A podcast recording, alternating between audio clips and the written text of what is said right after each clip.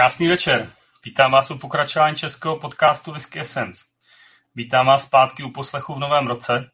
Pevně věřím, že jste vykročili do nového roku tou správnou nohou a že ten nový rok bude lepší než ten minulý.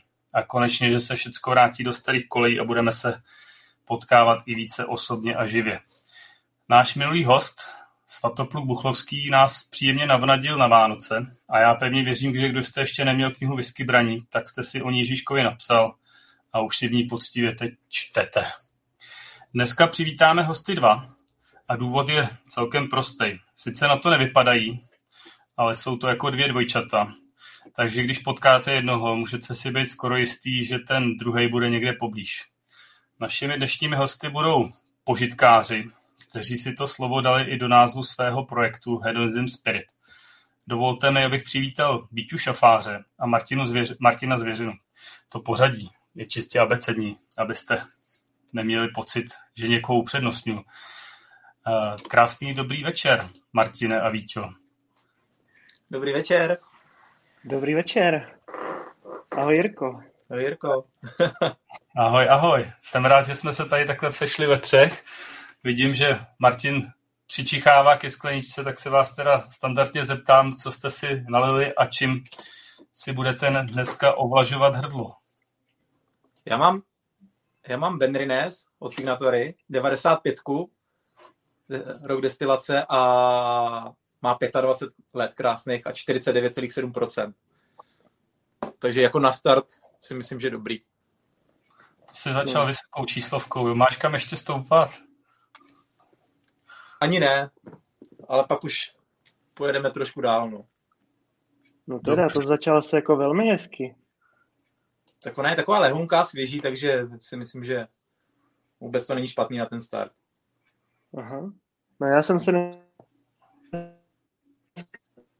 že se vypravím na do Irska, tak jsem začal tady Jameson Triple Triple uh, na úvod a pak tady mám nachystány na dopití vzorečky Red Breastů, jednoho 27-letého a druhý, druhý ten Dreamcast 29 letý, tak, tak jsem si říkal, že, že se podívám dneska na Zelený ostrov. Tak výborně, takže ty oproti Martinovi máš kam věkově ještě růst. Jo, jo, jo. Já doufám taky, že ještě někam je prostor.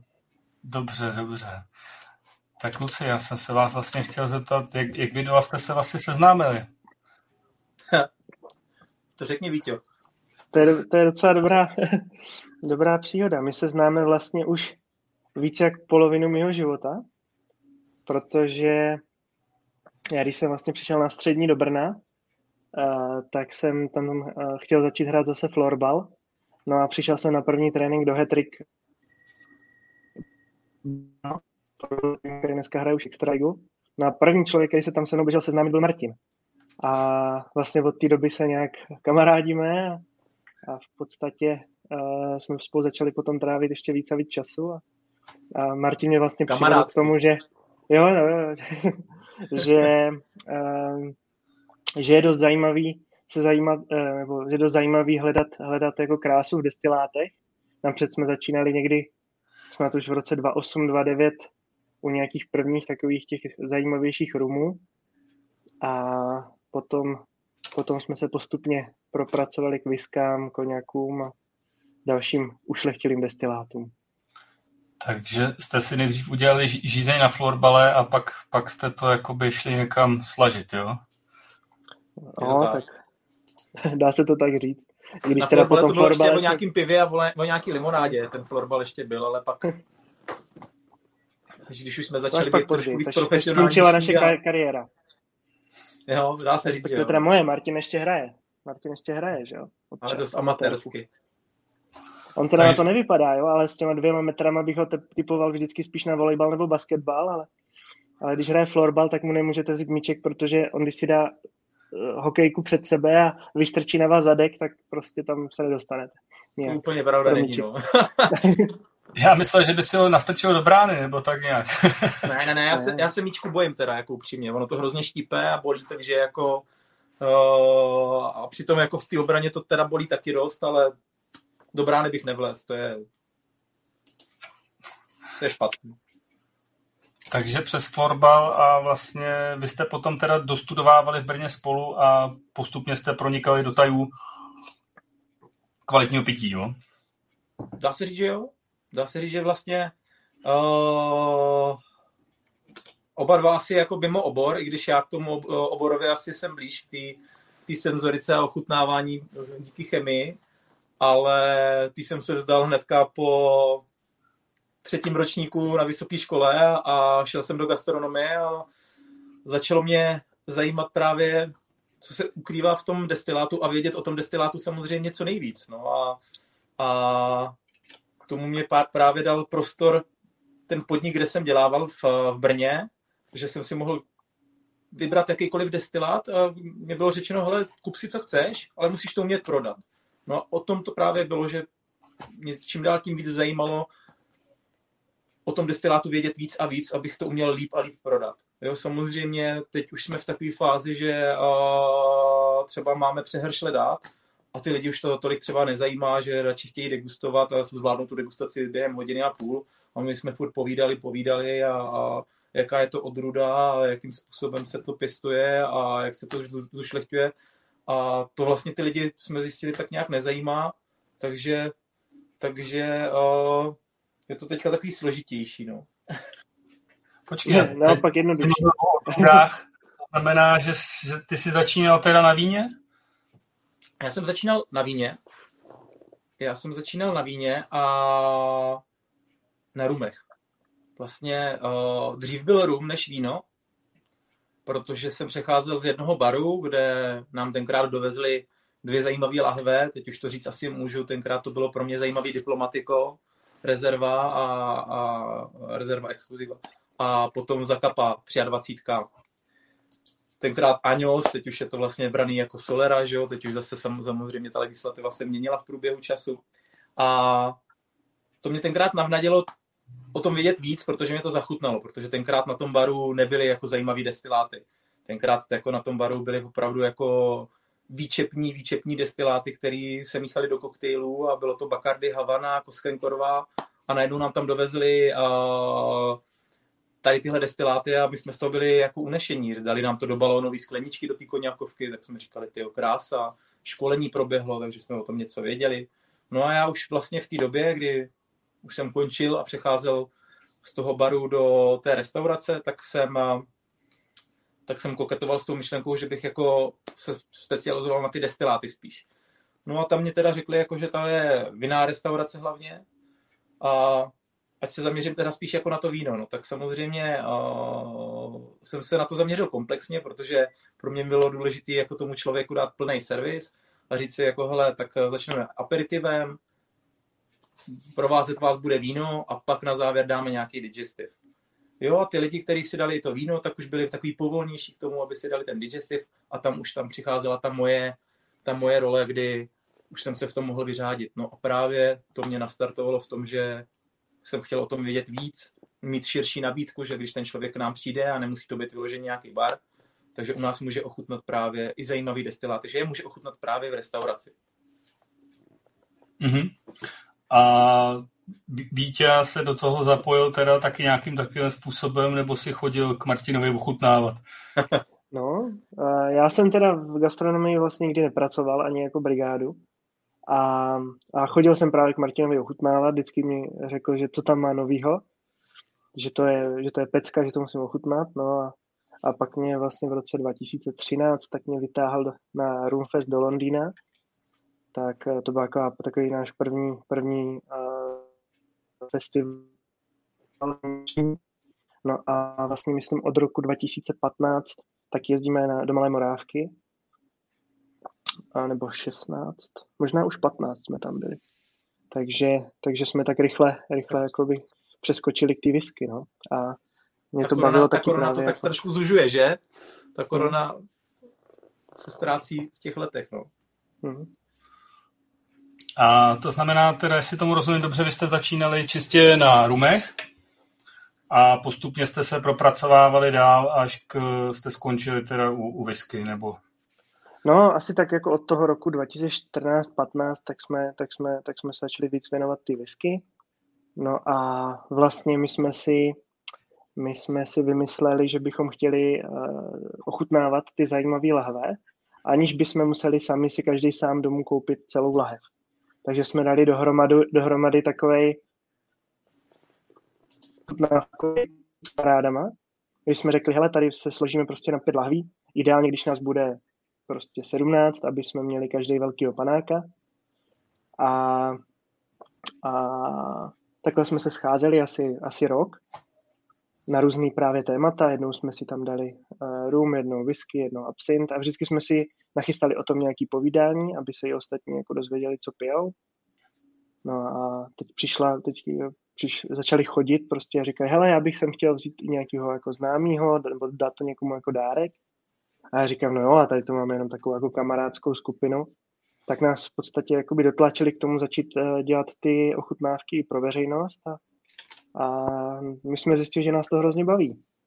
Protože tam je dobrá ta, mě tam na tom nejvíce líbí ta okamžitá pozitivní zpětná vazba, když to těm lidem chutná. Jo, a jsou prostě, užívají si to, což jako člověk, když nevím, s tabulkama, s Excelem, tak eh, tam žitou zpětnou vazbu úplně nemá. A tady od těch lidí, jo, a to je hrozně příjemný. Takže to byly vlastně takový ty prvopočátky Hedonism Spirit a to byl ten moment, kdy jste se vlastně rozhodli, že, že to pojmete jako ve větším a založíte Hedonism Spirit, nebo ještě, ještě tomu potom nějaká doba předcházela, kdy jste postupně přecházeli vlastně z toho popíjení s kamarádama a seznamování. Ještě nějaká tam byla přechodná doba, nebo jste rovnou do toho hupsli? To, byl to bylo asi tak jakoby rovnou. Mhm. My jsme v podstatě ten jeden rok uh, začali dělat uh, ty ochutnávky s kamarádama a někdy už na podzim... Jsme ochutnávky, no. A už někdy na podzim, tak jsme si řekli, OK, tak od ledna prostě začínáme to dělat i pro veřejnost. Takže mm-hmm. jsme během toho podzimu vlastně nachystali, nachystali webovky, nachystali nějaký dárkový poukazy a spustili to před Vánocema a, a byli jsme úplně v šoku, že vlastně se nám během měsíce před Vánocema vyprodali degustace na celý první kvartál, tak uh, to bylo nevím, asi pět degustací, tak se vlastně vyprodalo, aniž by nás někdy někdo jako viděl naživo, jo? což bylo super. Jak se to vlastně šířilo přes ty, přes ty kamarády a, a hlavně tu první degustaci jsme museli zopakovat ještě jednou, protože o to byl enormní zájem. Když teďka vezmeme zpětně, co jsme tam dali jako za setup na to naše nastartování, tak teď se tomu tak trošku jako potutelně smějeme, že co tam bylo jako za, za lahve, jo. No tak zaspomínej, co tam bylo za lahve. Tak byla tam, určitě tam byla nějaká limitovaná zakapa, tam byla 2.14, nebo co tam bylo? Víte, ne? No to byla ta první degustace, byla samozřejmě rumová, protože nám bylo jasný, že, že o to bude jako větší zájem. Jo. Ale hned potom jsme udělali i viskovou. A tam teda taky byly pěkný lahve, musím říct. No ale tak konkrétní otázka. Vzpomeneš si, co tam bylo? Hmm. Tam, byla, tam byl Dom Papa Rerkásk, který jediný z Dom Papů asi byl opravdu jako jediný dobrý za celou tu dobu. Pak tam jsme určitě dávali nějaký diplomatiko. Zafra 30 letá tam byla, Zakapa a ještě nějaký dvě lahve. Ale bylo to hlavně o sladších rumech, jako doslazovaných rumech. Že jestli jsme tam měli něco nedoslazovaného, tak tam byla jedna nebo dvě lahve možná. Mm. A jo, byl o to enormní zájem, tak jsme to zopakovali po druhý i když jako některé lahve už byly hůř sehnatelné, jako ten dom, dom Paparerkas, už tehdy v roce 2018, kdy teprve jako by ta rumová skupina se začala utvářet, vůbec jako začalo se něco vytvářet jako kolem rumu tady v České republice. Ten rum už tady má dalekosáhlý, jako dalekosáhlou historii, ale teprve začala být jako začalo to být v pod, podvědomí těch lidí, že jako je to dobrý, začalo se to šířit na Facebooku, samozřejmě vznikla rumová skupina Rum.cz.sk, pak různý odnože, kterou samozřejmě někdo nahlásil, zase to, zase to popadalo, kdy měli nějakých 5 až 6 tisíc členů, takže to kluci nahodili znova. A ta historie vlastně toho rumu v České republice mně přijde, že se píše teprve až od roku 2018, kdy ty lidi jako regulérně začali nad tím přemýšlet, jak to chutná. A teprve tady, já nevím, dejme tomu od roku 2019-2020 začali přemýšlet, jak do toho hrozně nadspat peníze a investovat do toho. Takže najednou se objevily uh, modrý bitcoiny, jak tomu říkají, a to bylo Diplomatico Single Vintage. Takže všichni začali prostě kupovat Diplomatica Single Vintage. No a to byla jediná moje láhev, kterou jsem měl, jako z rumu, jako v rámci toho podepsaný od Spita Cordera, od bývalého Master Blendera, který tam už teďka není. A tu lahev jsem prodal, jako jedinou jsem jako jí takhle nabídl, já jsem nikdy neprodával lahve, jako není to jako vyloženě přeprodej, ale spíš jakoby třeba co děláme, tak zprostředkujeme někomu, že prostě máme nějaký lahve, tak mu to, tak jo, jich koupíme víc a mu dáme třeba tomu člověku jednu, dvě nebo tak, jo, ale, ale nikdy jsem nevzal lahev, že bych ji jako vyloženě prodal. No a tady na, kolem toho jsem ji nabídl a vznesl se kolem toho takový humbuk, že proč prodávám ty Diplomatico Single Vintage 2000 ještě s podpisem Titovým Corderem, že ten člověk vlastně už tam není a že je na tom zdravotně špatně. Říkám, hele, my jsme jako, já jsem se s, ním, s tím člověkem potkal dvakrát nebo třikrát. To je moje ta, ta osobní zkušenost a, a, a ten, ta přidaná hodnota, ale já prostě tu lahev, ty lahve jsme vypili, já nevím, šest lahví tenkrát, když to vyšlo, to bylo snad 2014, ta lahev vycházela tak jsme vypili třeba fakt, jako jsme jich vzali karton a vypili jsme to, vypili, prodávali jsme to v restauraci, všechno. No a nesl se kolem toho takový humbuk, že jsem se normálně styděl a za dlouho jsem se zapřísáhl, že dlouho neprodám další láhev. Tyjo. Takže... To drží. Takže a, jako... Uh, ta, ta vlastně vaše původní idea Hedonism Spirit byla opravdu, že jste chtěli nebo byla ta poptávka po těch degustacích, nebo jste, jste zatím viděli i jakoby něco víc? No, uh, je, jako ta poptávka po těch degustacích byla určitě jako do, silný atribut, ale my jsme to vždycky dělali hlavně proto, aby jsme to my sami ochutnali. Jo, to, je, to byl vždycky my, my vlastně zneužíváme motor. tak já tenhle podcast taky dělám, protože chci hovořit s těmi lidmi, že dělám to pro sebe. No. Je v tom Jasně. takový zdravý osobectví, jako si myslím. No. Člověk, v prvním případě musí být vždycky člověk sobec a pak teprve jako přemýšlet nad dalšíma věcmi. a, a... jste ty degustace vlastně nějaký zkušenosti jste teda měli ten rok, co jste si to dělali jako tak pro sebe. Eh, bylo to potom přenositelný, nebo jste museli jakoby hodně zabrat, zapracovat, abyste jakoby to posílili a zprofesionalizovali? No, určitě to bylo přínosné, že jsme dělali ty degustace předtím, protože jsme měli třeba za sebou, já nevím, 10-11 degustací. A Martin ještě mnohem víc, protože vlastně mm, s tím pracoval. A já, já jsem měl zase na druhou stranu aspoň zkušeností s prezentacemi jako takovýma. Protože jsem prezentoval v podstatě pořád eh, jako ve své práci. Takže dohromady, když jsme to skloubili, tak, eh, tak jsme měli celkem, celkem slušný, si myslím, základ, no ale taky jsme se za tu dobu, eh, věřím tomu, že jsme se, že jsme se v mnoha ohledech ještě, ještě zlepšili a ještě se určitě musíme zlepšovat. Rozhodně třeba v kvalitě retoriky a, a tady tohoto, na tom může člověk pracovat vlastně celý život. Takže byste to vlastně dělali ve svý, nebo děláte asi do, do posavať uh, nějakým způsobem jako vedlejšák k práci. Jasně. Ty, ty jo, jsi... to je to prostě náš koníček takový. Jo, jo. Ty si, Víťo, teda, ty už si naznačil, ty jsi v té době byl zaseklý v nějakém korporátu, jestli to vnímám dobře. No, já jsem vlastně nějaký roky dělal uh, investiční poradenství a pak jsem dělal finančního analytika pro developerské projekty No a teďka vlastně poslední rok a půl, tak jsem v Karlových Varech a, a koupili, jsme, koupili jsme zubní laboratoř tady. Takže, takže já to mám úplně jako mimo obor. Takže vzkaz lidem, ne, nepíte sladký rumy, kazí to zuby, jo? Nebo jo, vlastně jo, jo. sladký rumy, kazí to zuby a budeme mít lepší kše. jo, jo, pro nás je to přesně doplňkový, doplňkový biznis. Jestli na jedné straně si zákazníky vytváříme, že? Vítě, Vítě rozdává na Vánoce, na Vánoce dárky jako sladký rumino. No, v, podstatě jenom cukr, v podstatě jenom cukr s lihem.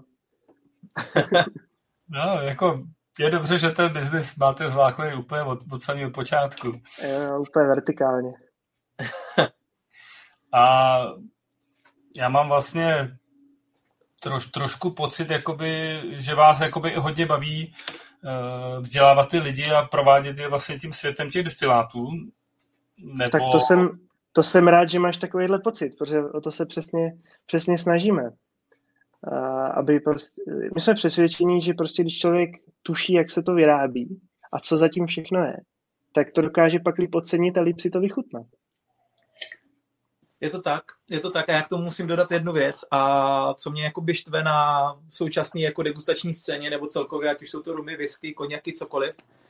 Já jsem se naučil nebýt jako takový kritik, protože mně přijde, že ten, ten dotyčný, který ten destilát, ať už to bylo tenkrát víno, nebo to je teďka destilát, tak to nevyrábí za účelem, to má být hnusný. Jo.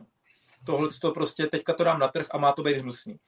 Samozřejmě jsou vysoce obrátkový destiláty a můžou být dobrý nebo špatný, ale prostě slouží k něčemu a ty sám to pít nebudeš, protože ta cena neodpovídá tomu, co ty chceš právě degustovat nebo co chceš degustovat. Ale nelíbí se mi ta kritika jako takový to hanění toho, toho destilátu, že to stojí za prd, nebo že prostě je to hnusný. Já si myslím, že primárně, jak říkám, nebylo to všechno vymyšlené tak, aby to bylo hnusný. Samozřejmě můžeme narazit na pár destilerií a nemusíme chodit daleko,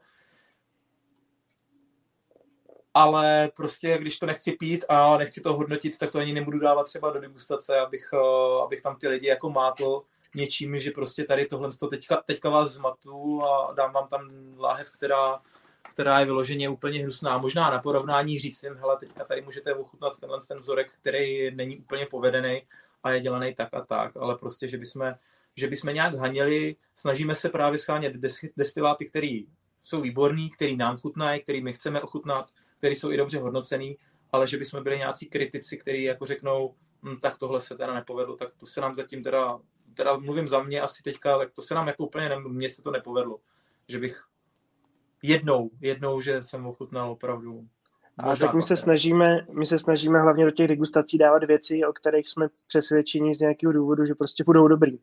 Jo, snažíme se tam dávat vzorky, řekl bych, z toho, co, co ty degustace tak jako jsou, vidět, tak eh, aby byly alespoň jako nadstandardní proti tomu, co člověk může ochutnat jinde.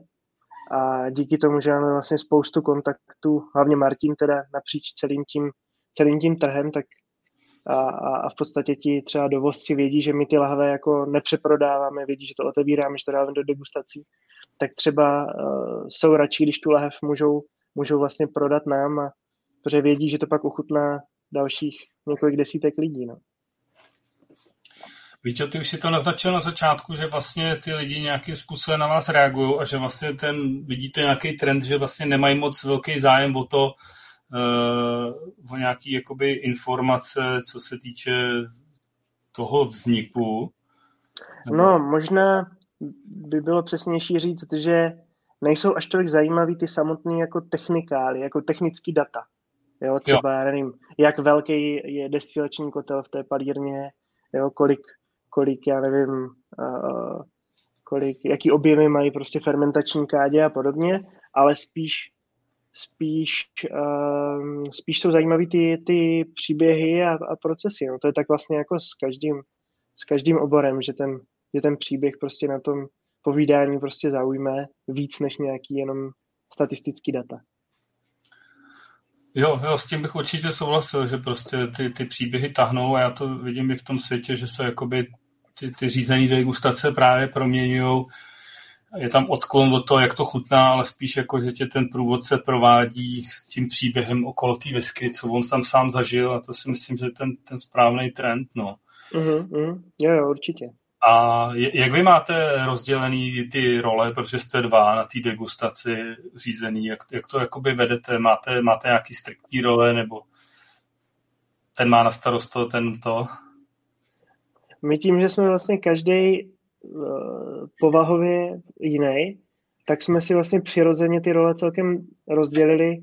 Když to vezmeme od toho back officeu, tak já si většinou vezmu na starosti jako přípravu těch prezentací.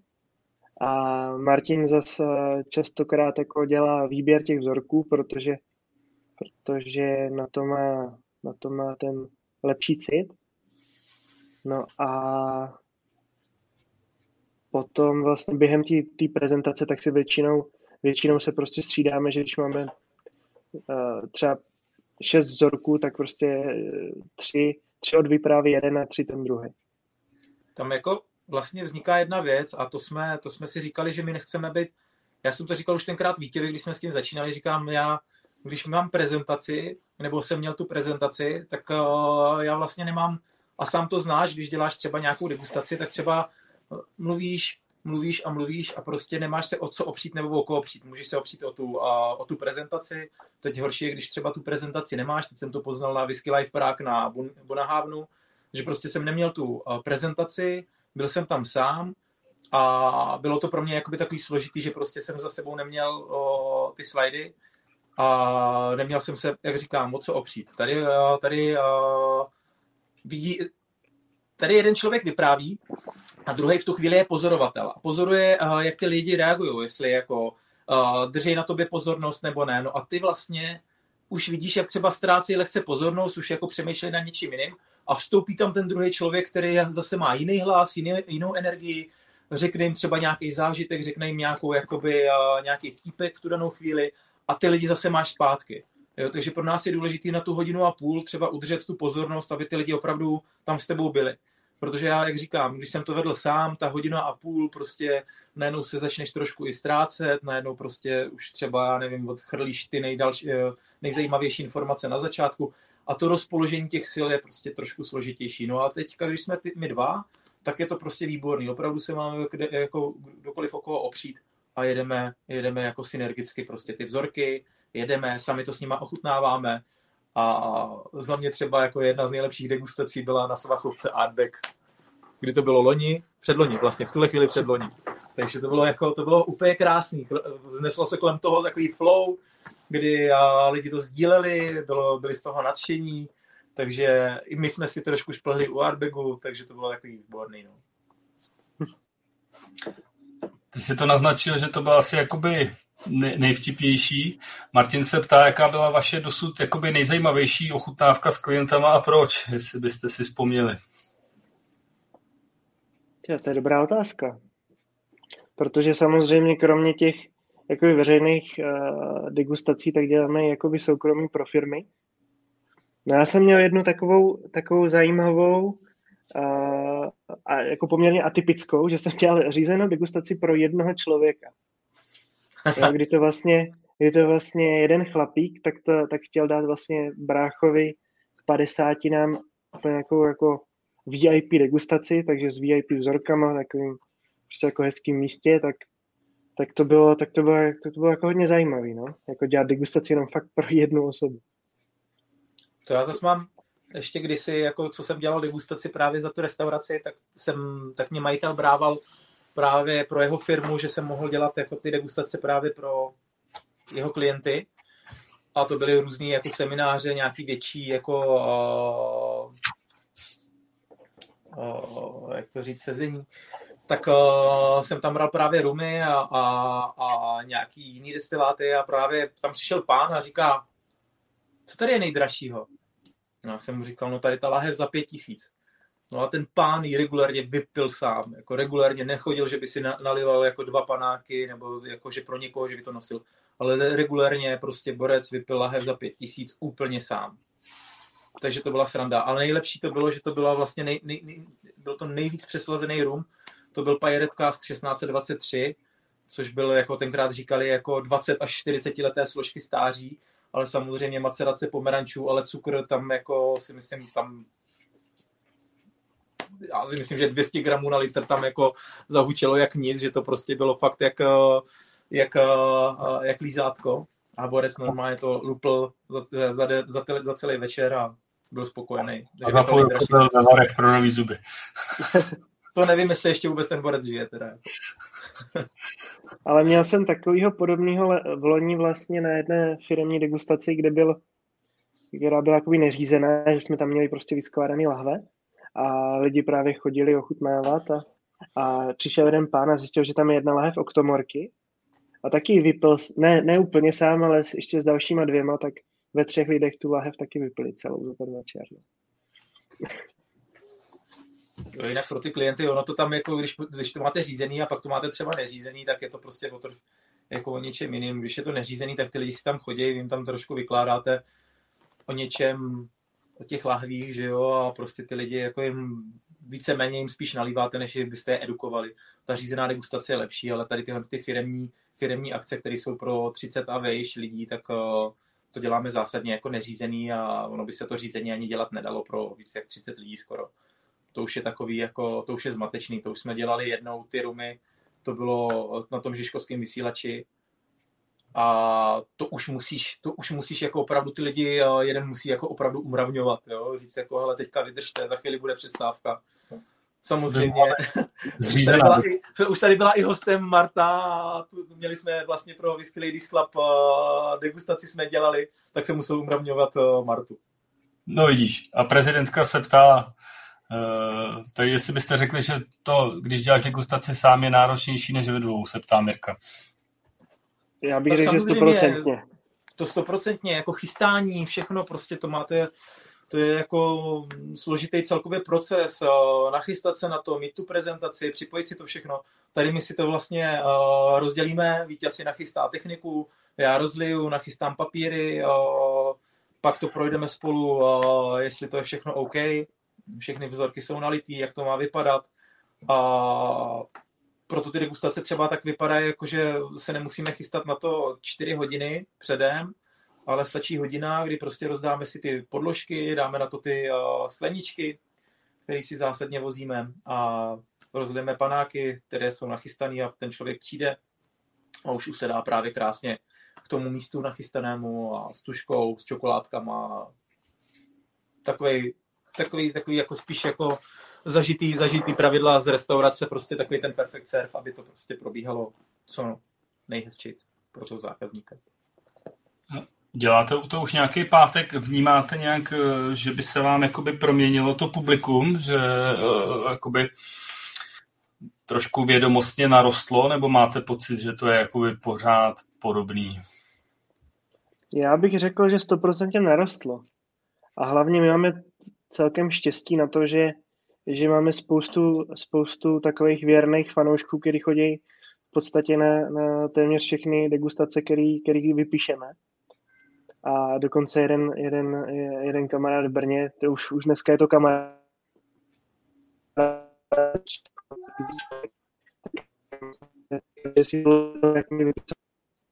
tak si plánuje eh, služební cesty. Jo, takže takže to mě potěšilo, že, že to takhle funguje dobře. A když... Spíš... Povídej, Martine. No, já říkám, já jsem spíš zvědavý teďka, uh, protože ono opravdu se teďka rostlo s degustacema pitel a hlavně se dělá že jo, všechno online, dělá se soukromí degustace a teď jsem zvědavý na to, jakým způsobem se najede, až eh, všechno bude možný té gastronomii, že ty lidi se budou moc potkávat bez toho, aniž by měli mít očkovací nebo neočkovací průkaz, tak uh, myslím si, že ty lidi za ty dva roky si zvykli na jednu věc a to je, že ty lahve se šerujou ve skupinkách nebo uh, ilegálně se prostě uh, lahvičkujou, že jo, jak to jinak chceš udělat. A jestli ty lidi se vrátí právě do toho, do toho prostředí těch degustací jako takovýchhle, a nebo jestli budou prostě přijdou si jenom na bar, ochutnají si dva panáky, ale pak ve skupině prostě si rozdělejí jako tu lahev. Jestli o to jako bude takový zájem, třeba o, to, o nějaký ty dražší degustace, nebo o, takovýhle jako veřejný degustace. Privátní asi budou furt jako pro firmy frčet dál, protože je to takový zpestření pro tu firmu, ale jestli, jestli budou právě to by mě zajímalo, jak to bude, jak to bude fungovat, až, až svět bude jako v normálu. No. Tak, tak já jsem trošku myslel, že už vnímáte, jako, že ty lidi, kteří za váma chodí, tak jakoby je primárně zajímá i, i to okolo, to povídání, že jo? a to když si našerují nějakou lahev, tak nemají. Takže jsem myslel, že jakoby zatím jdou, za těma informacemi, za, za, za tím zážitkem. Jako... No jako je pravda, že my jsme v loňském roce těch degustací nestihli udělat tolik. Takže ještě nemáme jako takovou, vlastně ta, ta, ta situace v společnosti je pořád ještě taková divoká. Takže bych řekl, že ještě nejde udělat uh, nějaký sumář z toho, jo, jak to vlastně bude. Jo, je určitě ještě, ještě nějaký čas. Každopádně vy jste o tom mluvili, že prostě jakoby pořádáte i řízený nebo nezřízený nebo ze začátku řízený, pak nezřízený ochutnávky pro firmy. Eh, jak je to jakoby třeba v poměru, kolik uděláte jakoby těch veřejných pro lidi, kolik je to pro firmy? jestli to takhle jste schopni nějak rozdělit. Mm, teda úplně jsem si statistiku nedělal, ale řekl bych, že, že jako není toho až tolik pro ty firmy. Určitě, určitě spíš víc, když vezmeme dohromady i jako všechny degustace na všech možných festivalech, tak ty veřejní budou určitě. Víčo, já ti možná poprosím, jestli by si nemohl zkusit přejít na ty data, protože ta, ta tvoje wi začíná být slabá. Uh, já Máme... jsem na datech celou dobu. Ty jsi na datech dokonce, no. Aha. Mhm. já jsem si taky říkal, ztrácíš se, víš, jakože tam... Aha. Občas. Ale tak uvidíme, jak to bude dál. Uh, takže slyšeli jsme, že vlastně jste dělali i individuální, jeden na jednoho, uh, ochutnávku. Uh, takže i takovouhle věc jste schopný prostě jakoby zabezpečit. Jasně, a... od jednoho až po 200 lidí třeba, nebo 300, kolik na ty akcie. Jo, jo. A kde, kde si vás vlastně lidi jako třeba můžou uh, takhle najít nebo oslovit? Máte webovky nebo nějaký formulář, nebo jak to probíhá? No, velice často se k nám dostávají lidi právě už jako na doporučení. Jo, že nás už někde jako viděli nebo, nebo od někoho slyšeli. Samozřejmě dost poptávek chodí i přes webovky, takže tam je, tam je na webovkách je e-mail a moje telefonní číslo a, a to se vždycky nějak domluvíme. A teď je samozřejmě nějaká taková zvláštní doba, přechodná, nebo tak. Eh, máte nějaký plány do budoucna, co se týče Hedonism Spirit? Nějaký upgrade nebo něco takového, nebo rozšíření? Mar- Martě, řekni. Já bych měl tolik upgradeů, ale, ale uh, my jsme hrozně pomalí, já to takhle řeknu jako na otevřeně. Uh, naše myšlenky nám uh, vezmou lidi, kteří to udělají a zrealizují rychleji než my, protože uh, jelikož se tím neživíme a trošku, trošku to na mě, trošku mě, na mě, ve mně to visí, jako tady tohle, že nás vždycky napadne něco pěkného, mluvíme o tom tři roky zpátky, že by to bylo fajn udělat. No a pak přijdou ty lidi po těch třech letech a už se to, už se to jede. Jo, takže jako to upgradeování, upgradeování Hedonism Spirit je, uh, je pro nás složitý. No. Jako Vítě je v Karlových Varech, já jsem uh, v Praze a v Brně. Přibrali jsme teďka vlastně, nebo teďka, teď už, už taky bude rok a něco možná konzumináře, který je hodně zaměřený na rumy má i svůj blog eh, Room Tips a trošku transferujeme do, uh, nebo víceméně on sám se transferuje do, uh, do whisky, takže on už je takový uh, víc vyskař než rumář. Stává se z něj víc vyskař než rumář, ale Aha, samozřejmě... Tak to se možná omlouvám Honzovi Minářovi, že jsem ho nepřizval do, do Whisky Essence, ale měl jsem pocit, jakoby, že u vás z Hedonism Spirits jste za whisky vy dva, takže tím, tímto bych se ho nechtěl dotknout, nebo, nebo vás jako třetího parťáka, ale ten, ten důvod byl tento, jo, proč tady není. Byť, byť samozřejmě vnímám, že prostě máte třetího parťáka. No, ale jako co je, co je můj jakoby, uh, co je možná i náš, já už jsem to tady tenkrát Vítěvi asi říkal, že jakoby Hedonism Spirit by měl být jakoby spolek, který, který jako nechci jako vytvářet další jako whisky spolek nebo rum spolek, ale chceme vytvořit něco, že prostě když uh, firma přijde a řekne, hele, my bychom chtěli super degustaci koněku, tak já řeknu, OK, tak u nás je tady uh, člověk, který se věnuje speciálně koněkům, má koněk educator a je to prostě člověk, který, který ho můžu nabídnout a je to prostě tady tohle. A pracovat právě s těma profesionálama, jako třeba ve whisky světě, jako je Zdenda Kortiš, Václav Rout, Mirka, Kverková, takže prostě tady s těma, s těma lidma i v oblasti jiných destilátů, že Hedonism Spirit měl být takový globál toho, toho jakoby uh, spirit centra, nejenom být zaměřený na rumy nebo na whisky, ale být zaměřený na koněky, armaňaky, džiny, tekily, meskaly. A aby ty lidi opravdu měli možnost přes nás ochutnat širší škálu těch destilátů a zároveň od velmi edukovaných lidí, který, který se tomu věnují po celý život třeba a jsou špičkama ve svých oborech. Takže tohle to mělo být ten hedonism spirit, který měl být takhle jakoby budovaný, že to nebude jenom Vítě Šafář a Martin Zvěřina. My jsme nikdy jako, nebo aspoň nechci mluvit za Vítu, ale za mě, já jsem nechtěl, aby to bylo postavené na, hlavně jenom na lidech, ale bylo to založené na té značce, co ta značka jakoby umí.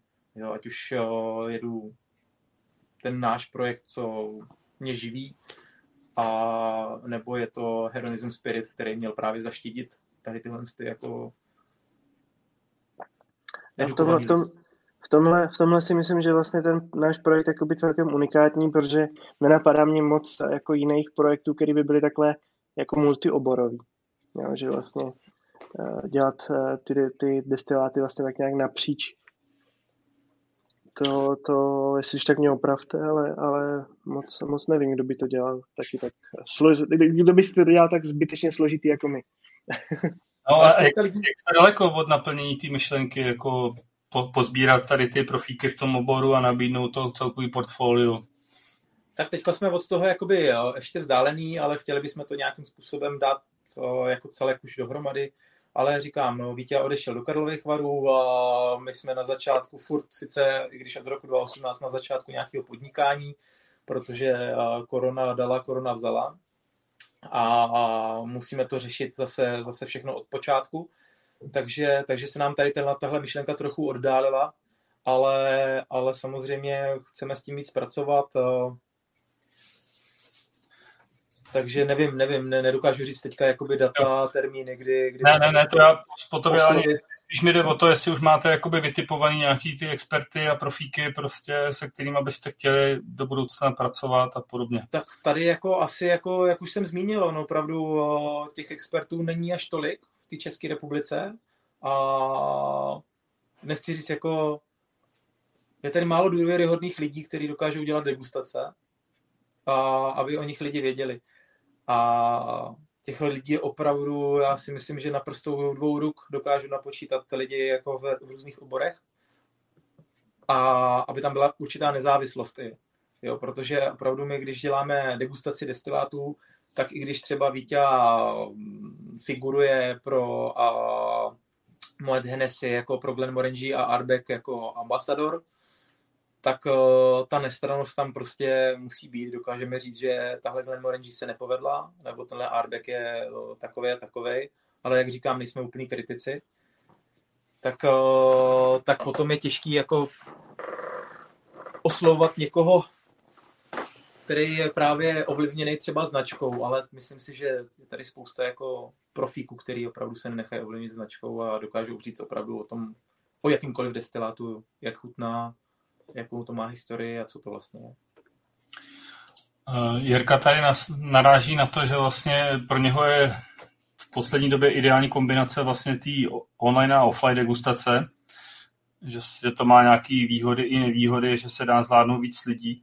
Uh, já mám takový pocit, že jakoby do tohohle světa v době korony těch online degustací nebo řízených ochutnávek jste šli nebo nešli?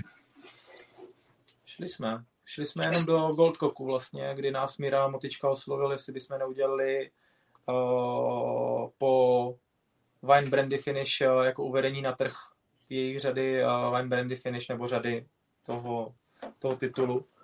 A dělali jsme vlastně tenkrát pro nějakých 100, 100 lidí, nebo 105 vlastně vzorků bylo zakoupených. A jestli se tenkrát připojilo 60, 60 lidí, tak to bylo, to bylo pro nás jako výborný, ale jinak online degustace jsme dělali pro priváty, pro firmy. Mm-hmm. No a vlastně jsme ještě na začátku korony dělali dvě akce právě pro Moet Hennessy. Jednu koněkovou a jednu viskovou. No a takže ale to bylo čistě jako online, ale tu kombinaci, tu kombinaci jsme se pokusili vlastně alespoň nastreamovat teďka na Svachovce, část té naší ochutnávky, akorát pak jsme zjistili, že Martin neměl eh, zapnutý mikrofon, takže to nebylo úplně... Takže byl slyšet jenom Vítě, ale dobrý je, že Vítě vlastně vyprávěl ty podstatní data, takže já jsem tam dělal jenom jako takovou kulisu, takže asi jako spíše relevantnější vykládání měl Vítě, takže to bylo dobrý, že aspoň Vítě byl slyšet, že, že aspoň něco z toho bylo. No. Ale určitě má Jirka pravdu v tom, že že to je dobrá cesta v dnešní době. Jo, v té dané lokalitě prostě se potkat osobně, kde to jde a, a, a vzít k té degustaci i lidi, kteří to mají daleko. A pro, proč jste do toho za ty poslední dva roky jakoby neš, nešli trochu víc? E, proč, proč toho bylo jakoby tak málo, když ty roky předtím vlastně jste měli offline degustace jak na běžící pásu? To, to, to si můžeme akorát sypat popel na hlavu, že jsme do toho nešli Já víc, si ale nemyslím, podstatě... že bychom si měli sypat popel na hlavu, prostě jako ono je, je to hazard, přece jenom jako abych tady lahvičkoval a rozesílal lahvičky, je prostě uh, složitá legislativně uh, těžko uchopitelná věc, kdy uh, my jako sami nemůžeme tady načinout lahev a rozlít do lahviček, do malých. To prostě já si to netroufnu, aby za mnou tady přišli celníci nebo kdokoliv a, a řekli, hele, ty jsi tady lahvičkoval, ty nemůžeš, nemáš žádnou licenci, nic, no tak prostě já mám tady jako živnost na prodej kvasného lihu a to je všechno, co mám, takže já nemám daňový sklad, nemám další věci, ne, nesledují mě tady kamery, pod kterým abych to mohl nalívat a, a nechodí mi sem lahve bez kolku, takže choděj, ale je to z zahraničí, je to pro moje vlastní účely, že jo. A už to, že někdy prostě otevřeme lahev, která není třeba kolkulovaná, už to je prostě na offline degustaci taky jako okrk. Takže, takže ono, opravdu ta česká legislativa v tomhle tom nám to neumožňuje. A aby jsme přežili, tak takhle, my a nás to, jak říkáme, nás to neživí úplně, nebo vůbec takhle, tak uh, proč to riskovat? Proč riskovat něco prostě, co se nám může vrátit jako bumerang? Takže my se spíš nachystáme na to, až uh, všechno bude OK a rozjedeme opět offline degustace a zapracujeme na tom, na tom onlineu, jak by se to dalo udělat líp a, a, a s kým by se to dalo udělat, kdo to může, kdo to může lahvičkovat. Pár firm už tady je, který to můžou lahvičkovat, takže můžeme oslovit je a zkusit tady ty degustace udělat takhle. No. Ty jsi říkal, že to děláte jakoby vedlejšák. Máte taky nějakou ideu, že byste jednou chtěli opravdu se věnovat tomu na plný úvazek? Tak pokud by to šlo, by to bylo krásný, akorát, že my jsme si do toho každý přibrali ještě, ještě to mm, jako, jako svoji firmu, úplně jinou a, a ta nás každýho celkem dost, dost vytěžuje, no, zatím.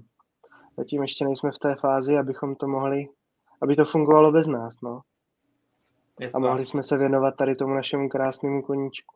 Je to svým způsobem sen, jako opravdu uh, věnovat se pouze jenom destilátům. Sice je to jako sen takového jako alkoholika spíš možná, ale je to pro nás taková budoucnost, že třeba ty naše firmy, které teďka máme, tak uh, nám třeba budou generovat peníze a my tam úplně nebudeme moc být plnohodnotně součástí, kdy Vítě nebude vyrábět zuby a nebude je prodávat v Německu a já tam nebudu uh, motat housky s masem a, a prodávat je za pultem, ale budeme řídit prostě ty lidi, který, který budou adekvátní k tomu, aby to zvládli za nás a budou generovat ty podniky nějaký peníze, tak prostě rádi se tomu uh, hedonisticky uh, oddáme a budeme to dělat uh, s chutí a jestli jestli to budeme dělat za účelem, aby jsme si vydělali, anebo to budeme dělat za účelem, že chceme otevřít ze spoustou lidí nějaký lahve, který aspoň se zaplatí a, a nebudeme chtít třeba zaplatit náš čas, tak by to bylo úplně, úplně ideální. Ale teď prostě musíme, musíme i ty degustace nějakým způsobem stylizovat do toho, že ta degustace musí obnášet nějaký, uh, nějakou částku, která, která odpovídá tomu, že uh, tomu dáme svůj čas, dáme tomu ty informace, dáme tomu prostě ty lahve, které třeba jsou méně k sehnání, protože ten projekt byl vymyšlený kvůli tomu, že chceme otevírat eh, limitované edice, speciální edice, eh, lahve, které se běžně otevírají nebo které nejsou běžně na, na barech, protože ty lahve, které jsou na barech, si můžete dát na tom baru a nemusíte chodit na nějakou degustaci. Vy jste teď vlastně jako Hedonism Spirit byli na Whisky Life Prague už po několikátý, měli jste tam svůj vlastní i stánek.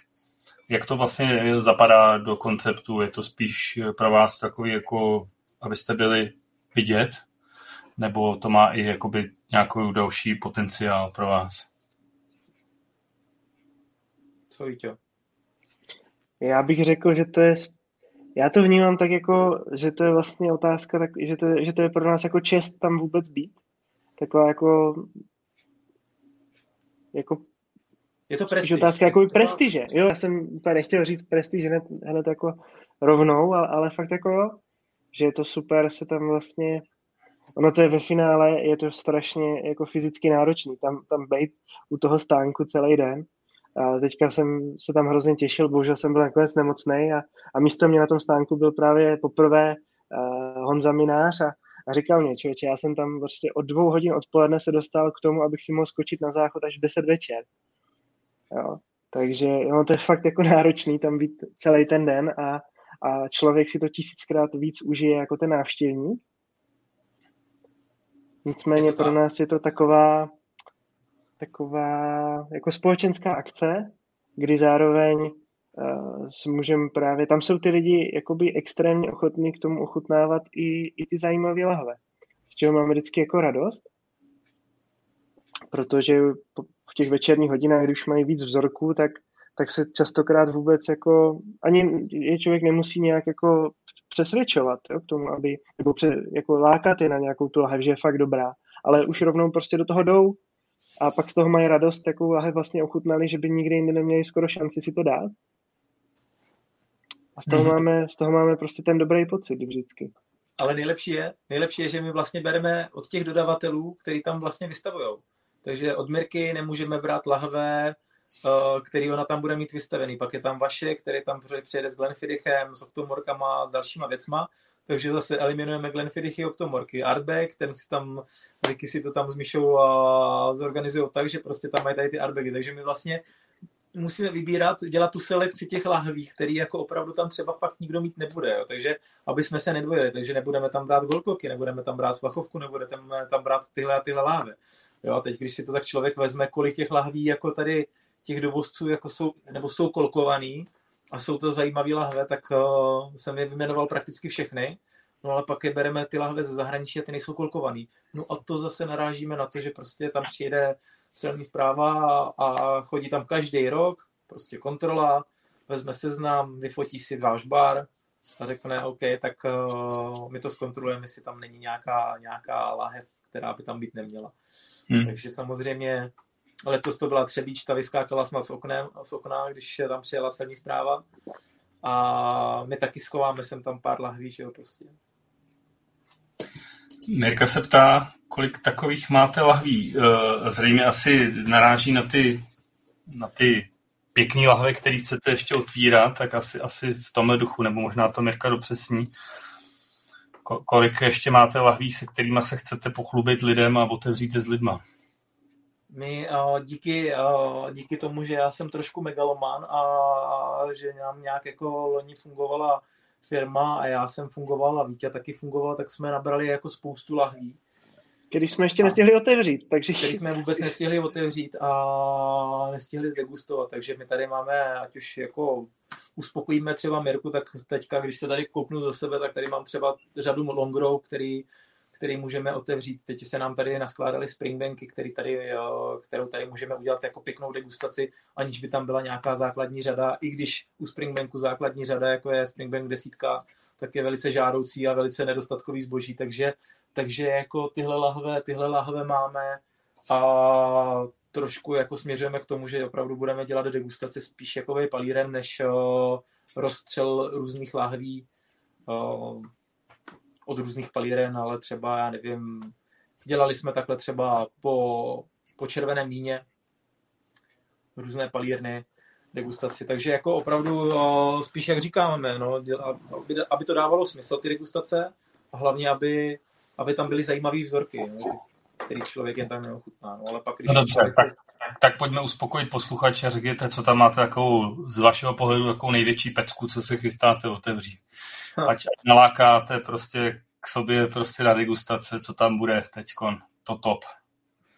No teď top, to ještě jako sice nemáme, ale uh, jsou to nový Glenmorangie, jak byl Truffle Oak, jak jsme ochutnávali, tak asi uděláme zase takovou tu privátní otevíračku a dvou lahví. Uh, jsou to vlastně po červeném víně, taky nějaký 25. Jaká je to řada, jo? Pamatuješ si to? Uh, no počkej, ta, je, ta jedna je po Chardonnay, po Chardonnay z Napavely jestli se nepletu. já bych se musel podívat. No, takže tohle, tohle jsou takové jako věci, které bychom chtěli otevřít. Samozřejmě těch lahví je spousta, spousta, co jsme nabrali, ale taková pecka, oh, když se podívám tady za sebe, jako jsou to třeba uh, nový palírny, máme slušně třeba pozbíraný Adna Murchán, máme taky díky Martinovi Majerovi, že prostě um, to je člověk, který dokáže se na mě přijde cokoliv. A určitě bychom chtěli uh, udělat degustaci Aranu. A potom třeba, až se nám to trochu naschromáží, tak třeba Rázej, anebo Toravek, ale z těch whisky asi by to bylo všechno. Teďka máme třeba připravený hodně rumů a tam máme docela zajímavé věci, jako třeba Havana k pětistýmu výročí. Ta lahev stála už dost na začátku a teď už se draží třeba kolem 150 až 200 tisíc za láhev a ta láhev těch lahví se vyrobilo jenom 500. Takže pro celý svět a my jsme ukořistili Mohli jsme mít tři, ukořistili jsme dvě. Jednu jsme dali nejmenované osobě, která sbírá tady tyhle havany a, a, a, a, jednu máme na otevření, že ji nemáme jako vyloženě do sbírky, protože už jsme s Vítěou taky trošku vystřízlivěli, že opravdu ve sbírce nemůžeme mít všechno. A... a to jsme ze začátku chtěli mít ve sbírce všechno. A to jsme chtěli mít ve sbírce všechno, ale, ale trošku jsme si jako řekli, aby, aby to dávalo smysl, že prostě opravdu jako teď jako nikoho nechci urazit, bože můj vůbec od toho tady není, ale abych eh, se rozhodl, že budu sbírat arbegy, to je prostě pro mě jako střelba přímo jako do hlavy, protože, protože to nejde snad, to ani nejde se sbírat. Musíš si vybrat asi nějakou palírnu, která má málo plnění a pak to se sbírat. No. Hmm, hmm. No a ještě Martin možná zapomněl na to. Na, ještě se chceme určitě vypravit Eh, do irských palíren. Máme tam ten, co tady teďka popíjím, ten 27 letý Red Breast. To rozhodně, to rozhodně musíme dát do nějaké degustace. No. Ještě jsem se chtěl zeptat, eh, jakoby teď z té veřejnosti, která vás oslovuje na ty degustace, eh, máte pocit, že, že je víc poptávka po těch rumových degustacích nebo po těch viskových? Určitě po rumu určitě po rumu. No. Rozumím, rozumím. A vy teďkon, když bych se zeptal, whisky nebo rum? Tak jednoznačně whisky. Je to whisky, no, je to whisky. A u rumu, u rumu jako... My jsme si vlastně, my jsme si vlastně tím rumem prošli v těch uh, kolem toho roku 2010 a v podstatě já jsem do toho roku 2000 třeba 14, 15 jako ochutnal jako vysoký desítky rumů, které tady jako vůbec byly na tom trhu v té době. A, a mě to pak už přestalo úplně bavit, protože byly všechny vesměs sladký. Jo, když pominu tenkrát dostupný agricole rumy, který mě v tu chvíli až tak nezaujaly, tak vlastně bylo všechno dost sladké a chutnalo to dost podobně. Takže když jsem pak se přeorientoval na whisky, tak jsem si říkal, že to je úplně fantastický. Kolik je tam, kolik je tam spekter chutí a vůní a, a vlastně všude mám jistotu, že tam není co tam nepatří. Takže mě to začalo vlastně bavit mnohem víc a až pak, to si pamatuju celkem dobře, to byl jeden takový večer v létě 2000, 2018, kdy jsem narazil na, na jeden rum, který byl v sudové síle a byl vysoce esterický.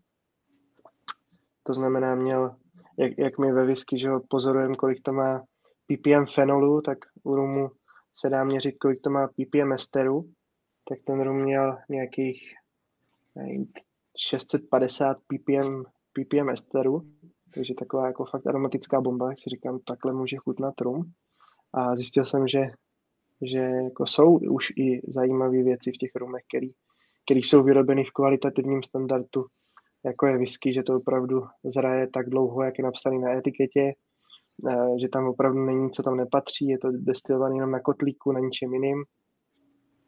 Takže jsme se k tomu pak zase trošku vrátili a, a vlastně jsme se u těch rumů se snažíme dělat takovou spíš evangelizaci o tom, jak, jak to vlastně většina těch značek dělá směs dost nepoctivě a jak si vybírat ty poctivý výrobce a, a jak, jak se nenechat vlastně ošálit nějakým pěkným balením a, a vysokou cenou. že to mnohdy vůbec nemusí značit kvalitní produkt. Mm-hmm. Uh, Teď Vítě řekl ten svůj důvod, proč, proč whisky a ne rum. Martine, co je to u tebe? Pro mě je to whisky. Pro mě je to taky whisky, protože a ten důvod? Začal o kousek asi dřív uh, intenzivněji, tam mám víc než jako desítky, ale už jako myslím si, že přechutnaný stovky. No tak teď už samozřejmě taky stovky, ale myslím, teď už taky, ale už tenkrát, už tenkrát, když jsem přecházel k whisky, tak už jsem měl jakoby stovky rumů jako už nějakým způsobem přechutnaný, když jsem si to jako v hlavě jako zesumarizoval, jaký řady, co jsem všechno byl, na jakých degustacích, co jsem ochutnal, kde jsem všude byl ochutnat ty, tyhle destiláty.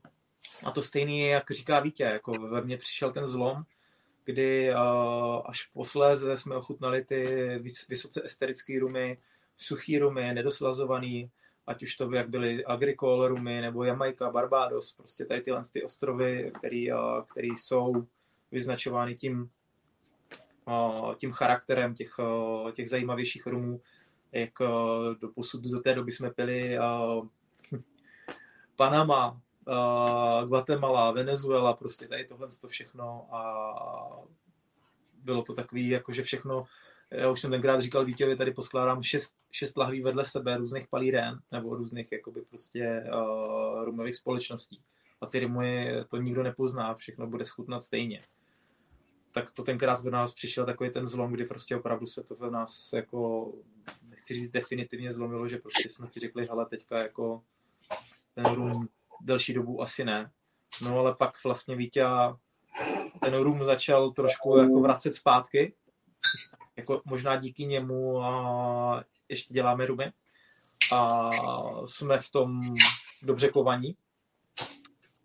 A proto Vítě je teďka třeba víc zaměřený jako edukativně, edukativně nemyslím jako chuťově, víc jako edukativně zaměřený na ty rumy, protože, protože nechci jako tady... Tam je, tam je hodně práce prostě. Tam je hodně práce, ale nechci říct, já si myslím, že jeden z nejvíc vzdělaných lidí v Rumu, co se týká České republiky. A zatím si budu stát ještě pár let určitě, protože poznávání rumové skupiny a celkově těch lidí z toho rumu vám napoví, jako, jak ty lidi, prostě oni to rádi pijou, vzdělání tam samozřejmě je, to, to, to každým dnem roste a roste, ale furt to, tam něco chybí, ještě, ještě tam ještě je tam nějaká ta prodleva toho, co, co té skupině chybí. Takže whisky za mě, whisky za mě jako v tuhle chvíli jednoznačně, na druhém místě samozřejmě bude rum. A tak to já rád slyším, že jste si postavili whisky tady na Whisky Essence na první místo a, a že to není ten rum. Hele, i včas se ještě ptát, že my jsme vyskaři, uh, co, co v těch rumech teda je za ty estery, jako, že obyčejně etylacela to asi nebude. Víte, ty jsi byl vlastně v nějaký rumový palírně, že jo? Tuším na Jamajce. Jo, já, se, já jsem byl na ty Jamajce, no. Takže by Ale... se říct teda, co, co, co ty estery rumují? Jo, ta, takhle, tak, takovým odborníkovi ty odpovídat, eh, odpovídat na otázky z chemie, to je, to je, to je jako velká výzva. uh, ono tam ten, ten etylacetát je to, co se tam měří, jako nejsnáz. Jo, je to vlastně ten nejvíc zastoupený ester. Ale pak jsou to všechny možný další. Jo, to, to nedo, nechci teďka úplně... Tak, takže, takže teda, když říkáš o... Třeba acetyl butiarát a, a tak dál. Tak je to teda sumárně, jo? Nebo prostě... Ono totiž... Ono dneska, sumárně, dnes, dneska už uh, narazíš na, na rumové etikety, kde budeš mít, kde budeš mít uvedený uh, vyloženě jako etylacetát, jeho množství, a potom i celkové množství uh, kongenerů jo, nebo i přiboudlin, kam vlastně spadají všechny ostatní estery a aldehydy a tady tyhle ty věci. Jo, takže takže mm, jsou to dvě různé čísla, ale ten, mm, ten et, uh, etylacetát je to, co se měří nejčastěji, protože je tam zastoupený nejvíc. Takže úplně správně, správně míněný dotaz. Fajn. Tak já myslím, že jsme to odpověděli. Hele, Mirka se ptá, proč si myslíte, jako váš dojem, proč je pořád větší zájem o rum než o whisky? Je to líbivý. Ten rum je furt líbivý. Ono, jako my se tady bavíme s Vítěou teďka, jako teďka s váma, tady se bavíme o tom, že nejzajímavější a vlastně v tuhle chvíli, i když máme třeba ty stránky společně s váma, investiční alkohol, tak prostě nejzajímavější pro nás v tuhle chvíli jsou rumy, jako je Jamaica, jak jsem říkal, Barbados, Martinik, tyhle, tyhle suší rumy, tyhle esterické rumy, nebo prostě tyhle uh, vyloženě tady z těch destilerií. Ale největší zájem furt jako tady a opravdu největší prodej. Co se týče prodejů, no. Co se týče prodejů, tak probíhá prostě Diplomatiko, Don Papa, Zakapa, prostě jsou to líbivky. Panamský rumy jako Abuelo, uh, ma, uh, Malekon, potom Guatemala, jako Malteko, prostě tohle to těm lidem chutná. Oni to mají rádi, oni to budou pít dál, protože je to líbivka, je to sladký, nikdo jim na to nesahejte, protože je nepřesvědčíte o tom, že prostě to je špatně, že tam je kilo cukru na litr, ale prostě ani o, tom, ani o tom to není jako přesvědčovat někoho, aby tohle je lepší, než tady tohle, protože mě to tak víc chutná, že jo, je to prostě... Tak možná, tom, tak, taky nastane takový ten zlom, jako nastal u vás, že toho budou postupně přepitý a řeknou, hele, tak a dost, prostě půjdem zkusit něco jiného a najdou se dál.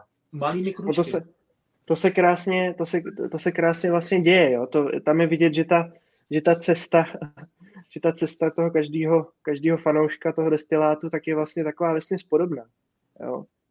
Je, je, a díky tomu, díky těm facebookovým skupinám a těm degustacím a, a tomu množství těch informací, tak mně přijde, že ta cesta těch lidí je mnohem rychlejší než dřív. Že jsou schopni se jakoby propít v úvozovkách jakoby od těch sladkých těm suchým, až třeba jako Honza, který konvertoval už úplně prostě od rumu k viskám. Posledně mi říkal, že v podstatě doma už tam nemá otevřenou možná jenom jednu lahev rumu pro návštěvy, ale prostě doma ve, ve svém baru už jenom whisky. Tak, tak, to, tak si tím prostě takhle procházejí postupně víc a víc a, a věřím, že, že tím, že vzděláme ty rumaře, tak vlastně vychováme spoustu výskařů budoucích. Už vlastně tady zmíním i Pavla. Vychováme. Pavla Ungra, který taky teďka začal uh, koketovat z whisky, že jo? Jo, jo, to byl člověk, který ještě před, já nevím, dvouma, třema rokama nedal dopustit prostě na, na sladký rum. Uh, rum, jako ve kterým není přidaný cukr, v podstatě jakoby nechtěl a dneska už dává na, na, na Facebook fotky, jak popí, uh, popí whisky, takže, takže je to výborný, jo, možná... je to výborný, jako ten přechod z toho rumu, ono jako opravdu, co jsem slyšel, tak spousta lidí, že, že jako pila jakože whisky, jako já nevím, jak se, jestli se tomu dá říct, jakože pila whisky, že jako jestli pili tu Lamorku a Jamesona, ale nechci spochybňovat tu značku, no. ale prostě přijde mi, že jako nepili whisky jako takovou, aby, aby té whisky přešly právě na ty rumy. Takže jako spousta rumařů říká, no já jsem pil whisky a teď, teď jsem začal pít rumy. A pijou ty sladké rumy, což mě nedává vůbec třeba smysl. Jo. Hmm. Ale, ale na tu otázku, proč se pijou rumy, je to líbivka, z velké části opravdu největší publikum, dám se říct, má ten sladký rum a, a proto, proto ty lidi k tomu tíhnou. A my se snažíme právě vždycky vzít těm šesti vzorkům, pět suchých a jeden sladký. A pak vlastně ty lidi necháváme hodnotit, no a zjistíme, že nejhůř dopadl v tom hodnocení ten sladký rum. Jo, což, jako, což je jako zajímavý, protože my tam postavíme ty vzorky, které opravdu, já říkám, že každý ten destilát je sladký, jakože opravdu, když se nad tím zamyslej, když opravdu správně degustují, tak tam cítí jako tu sladkost. I když tam prostě ta sladkost jako by neměla být, že jo? ten cukr prostě je prokvašený. Hmm. Lukáš se ptá, jestli plánujete v budoucnosti whisky degustaci v Ostravě. Strašně rádi bychom tam byli, protože jako Brno máme, Prahu máme a ta Ostrava, akorát uh, nevím, jako kolik lidí by třeba na nás přišlo v Ostravě, že jo? To je právě ta... To, Nezbývá to zkusit. pole neorané, no jasně, no, tak jako pole ne pro nás neorané, protože jako moc lidí z Ostravy třeba neznáme a vím, že Ostrava je hodně jako v tomhle rozvojová, že opravdu ať už co se týče gastronomie a celkově tady tohohle z toho potenciálu tak je obrovská, takže já, já rád sleduju Ostravu v podobě tří tigrů a, a, a jiných, jiných vtipných jako záležitostí ostravských, takže, takže rádi bychom, jako já si myslím, že když by, když by se sešla dobrá parta, tak rádi tam dojedeme a uděláme nějakou pěknou degustaci. Eh, kluci, já jsem se chtěl ještě zeptat. Vy vlastně eh, jste říkali, že jste odjeli do Londýna na nějaký rumový festival. To byl vlastně pro vás takový impuls jakoby k založení Hedonism Spirit. Objížděli jste potom ještě něco, jakoby, co se týče, abyste nabrali zkušenosti, jak se vlastně dělají řízený degustace pro lidi a kde, kde, kde byste se chtěli nainspirovat a kde jste případně všude byli a co, co se vám jakoby líbilo? No. Já objel, já objel, já jsem byl ve Skotsku, v palírnách, byl jsem v Itálii v palírnách za Grapou, pak samozřejmě ve spoustě vinařství, co se týče jakoby Evropy, ale vítěz zase má zkušenosti. Jirka, Jirka možná myslel festivaly, že jo? Já jsem to myslel z pohledu, jakoby jestli jste si jezdili i pro ty uh, inspirace právě na ty festivaly a na ty řízené degustace. A řekli jste si, jo, tohle je prostě takhle bychom to chtěli dělat, anebo jo, tohle to byla teda strašná ukrutná nuda a takhle to přesně dělat nechcem. Jako. No, my jako... Tohle já... byl, tak taky samozřejmě zažil takovýhle jako hmm. strašlivý nudy, že jo, anebo jo, tohle byla degustace, tu si budu pamatovat do konce života, jo. No, no, určitě jsme byli, byli jsme třeba na, několikrát na Bar Conventu v Berlíně, kde to bylo nesmírně zajímavý, i když přímo samotný řízený degustace v rámci toho tam až tak nejsou, tam jsou spíš přednášky a, a potom samozřejmě spoustu, spoustu stánků, kde se dá degustovat. A vlastně, jak jsem byla na té Jamajce, tak eh, součástí toho byl vlastně i jamajský rumový festival, takže tam jsme si prošli uh, ty degustace taky. Tam bylo zajímavé, jak se třeba dělají degustace, když máte venku uh, asi 37 stupňů, tak tak tam postavíte stan, do toho stanu píchnete klimatizaci s rouro a pustíte tam výdech té klimatizace rourou asi půl metru v průměru. Ten stan vychladíte asi na 18 stupňů a necháte tam ty lidi, kteří jsou zvenku rozehřátý hodinu úplně mrznout, tak, tak to bylo docela, to bylo docela jako šílený. To jsem čekal, že odejdeme odsud všichni, všichni úplně nemocní, ale, ale ten rum nás se zahřál, naštěstí. Takže, jo. A pak vyjdeš takže jsme to přežili pěstí, viď? No, no, no, přesně, to bylo jako, to bylo celkem šílený. A rozhodně, rozhodně by mě lákalo, uh, vlastně tady, jestli se nepletu, mluvil o tom tady u tebe v podcastu Vaše Krout, uh, mě celkem lákal ten uh, whisky festival v Polsku. Jo, jo. by to mohlo být zajímavé vyzkoušet, no a rozhodně už jsme hrozně dlouho chystáme na, na whisky show do Londýna, ale zatím nám to nám to nějak prostě nevyšlo, no. Bohužel. Chápu, takže máte ještě jakoby takový ambice i jezdit dál a koukat jakoby... Určitě. A pak samozřejmě všechny, všechny ty české festivaly, eh, to se snažíme být, být eh, vždycky, vždycky tam, aby, abychom to měli z první ruky. Nevím, jestli jsem něco nezapomněl. Ty festivaly jsou úžasný tady v České republice, opravdu jako asi, asi všechny.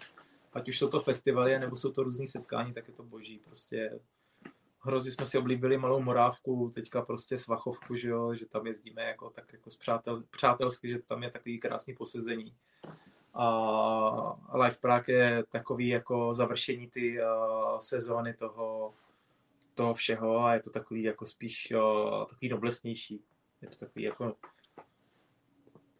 No já se vlastně, to, co jsme, jsem se tak okoukal z těch jako whisky festivalů a, a z toho zahraničí, tak vlastně poslední dva roky mám na starosti masterclassy na českým Roomfestu, tak se snažím jakoby tu nějak ty myšlenky jako uh, převtělit do těch masterclassů aspoň tady na tom. Kdybyste si vzpomněli na svoji první whisky, dokázali byste si vzpomenout, co to bylo? Jistě. Jistě, no vidíš, tak to bylo rychlý. Taliska desítka. Tak to si začal pěkně.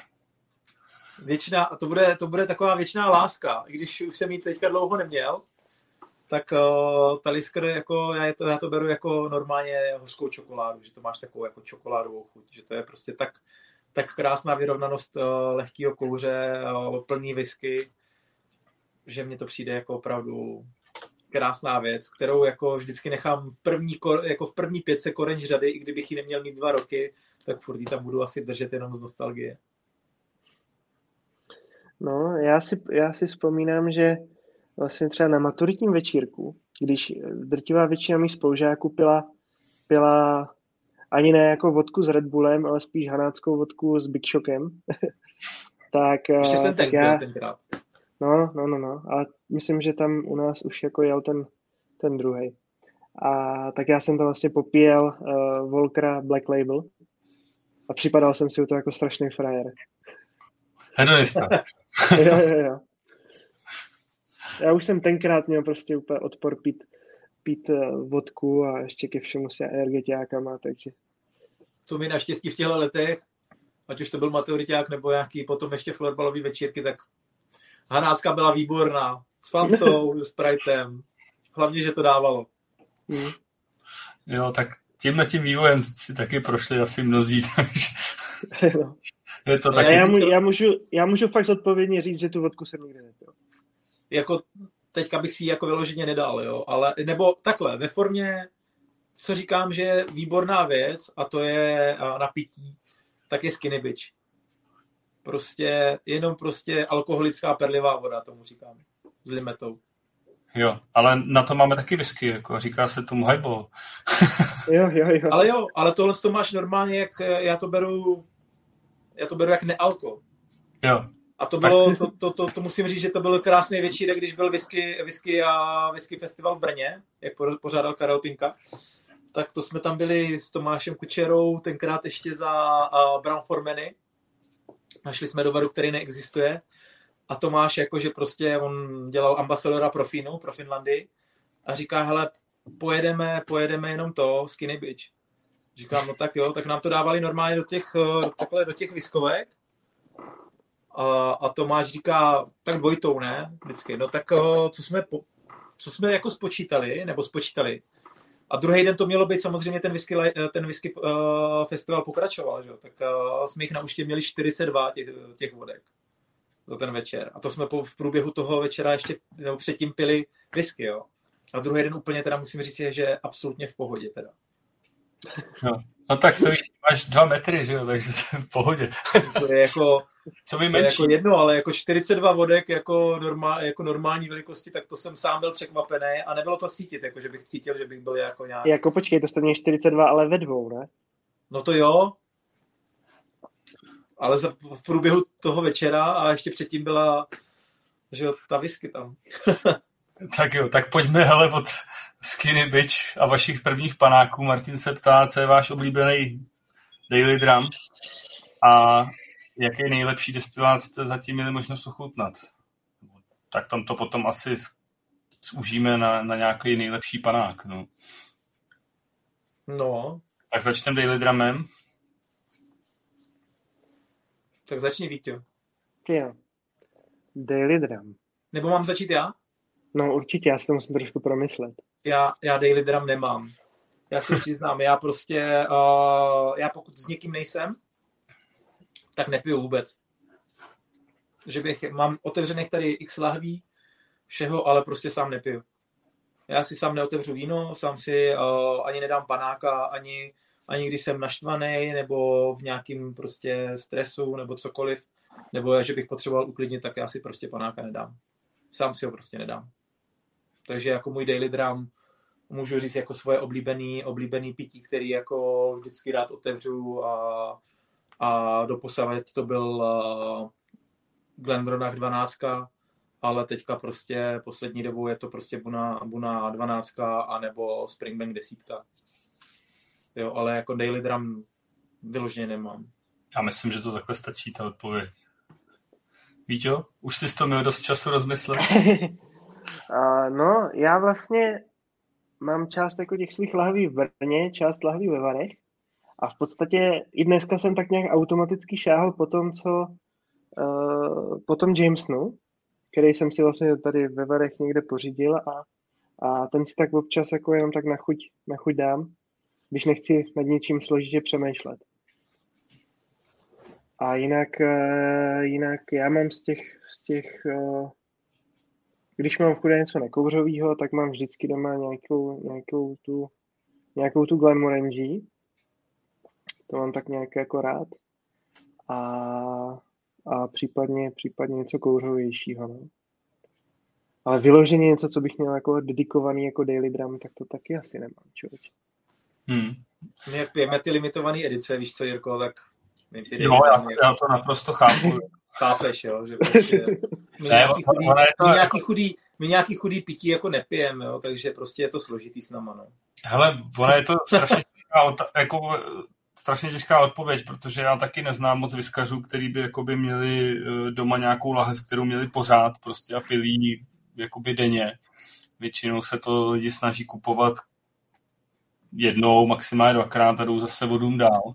No počkej, jednoho tady máme a to je Jirka Srb, který prostě ten má ten má od každého 10 lahví a je schopný to vypít, jako. Jo, tak jasný, ale taky to rád to určitě střídá, jako jo. Tak jasně, to je jako rozhodně, no. No a co je teda ten nejlepší panák ever? Začneme teda Martinem, že Vítě na chvilku zmizel. Hele, o, no, Čeče jako nejlepší panák ever, no to je, to je jako složitý, jako... Počkej, to neříkej, teď si říkal, jako, že pijete ty nejlepší pití, tak, tak jsou tady všichni hrozně napnutý jak struny, co z vás vypadne?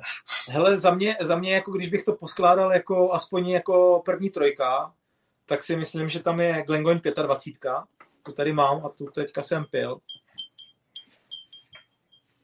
A určitě, a ty, ty, ty, ty to trošku spochybníš, tak uh, opravdu mě bavil, ať už jako berete cenu nebo neberete cenu, tak mě chutnal Glenmorangie Truffle Oak. Hodně. A potom ještě potom ještě ten, uh, ale to je prostě teďka v té nejživější paměti, tak ten Red Breast, ten badge 21, uh, teda ta 27, ta první edice, ten první badge. Mm-hmm. I ta dvojka, i ta dvojka je super, jo. Takže, ne, takže... kouřovou, takže...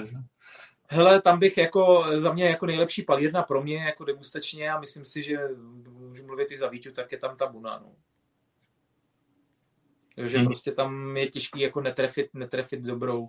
Teďka jsme si třeba s Vítěou mysleli, že uh, Vítě mi dal do degustace, říká, hele, ta Marsala mi moc nechutnala, Marsala Finish. Tak já jsem ji vzal do degustace na Whisky Life Prague a ochutnal jsem tam tři Marsaly ten, ten den. Ochutnal jsem od Glenma, od, Buna, od Buny a ještě od eh, Juritoše. A říkám, ty tam Marsala celkově, jako to je boží úplně, jako do, do, fantastický dostařování. No a pak Vítě, pak jsme měli takový vánoční večírek vlastně, safari, tak, uh, tak uh, jsme si to dali, dali jako takový před, předpanáček, než dojdeme na večírek. A i Vítě říkal, hele, to je fakt boží, jako nechápu, proč jsme to dávali pryč, jako do degustace, ty. Vítě? Já mám, uh, já mám takový, takový rozpoznávací znak, když je něco fakt jako hodně dobrý, takže z toho začneš mít husí kůži. Jo, že prostě když se toho napiješ, tak hnedka víš, že piješ něco mimořádného. Já mám se slivovicí a není to dobrý rozpoznávací Ne, ne, ne, to je ten, to ten šípe, negativní to je za, za, za krkem. Jo, že ti běhá mraz po zádech jako tak nepříjemně. Že se tak jako že tě normálně štípne, že ti senzory, že tě štípnou za krkem úplně, tak to, to je špatný, no. Ale když něco piješ a prostě uh, to byla jednou taková reklama v televizi, že tam, uh, už si nepamatuju, na co to bylo, ale bylo, byla taková ruka na, na okýnku u auta a jak byl tam detailní záběr na ty chlupy na ruce a když vlastně přidal plyn, tak se naježily ty chlupy, jo. Tak v podstatě, když se napiješ a je to, je to najednou hned poznáš, že to je něco mimořádného.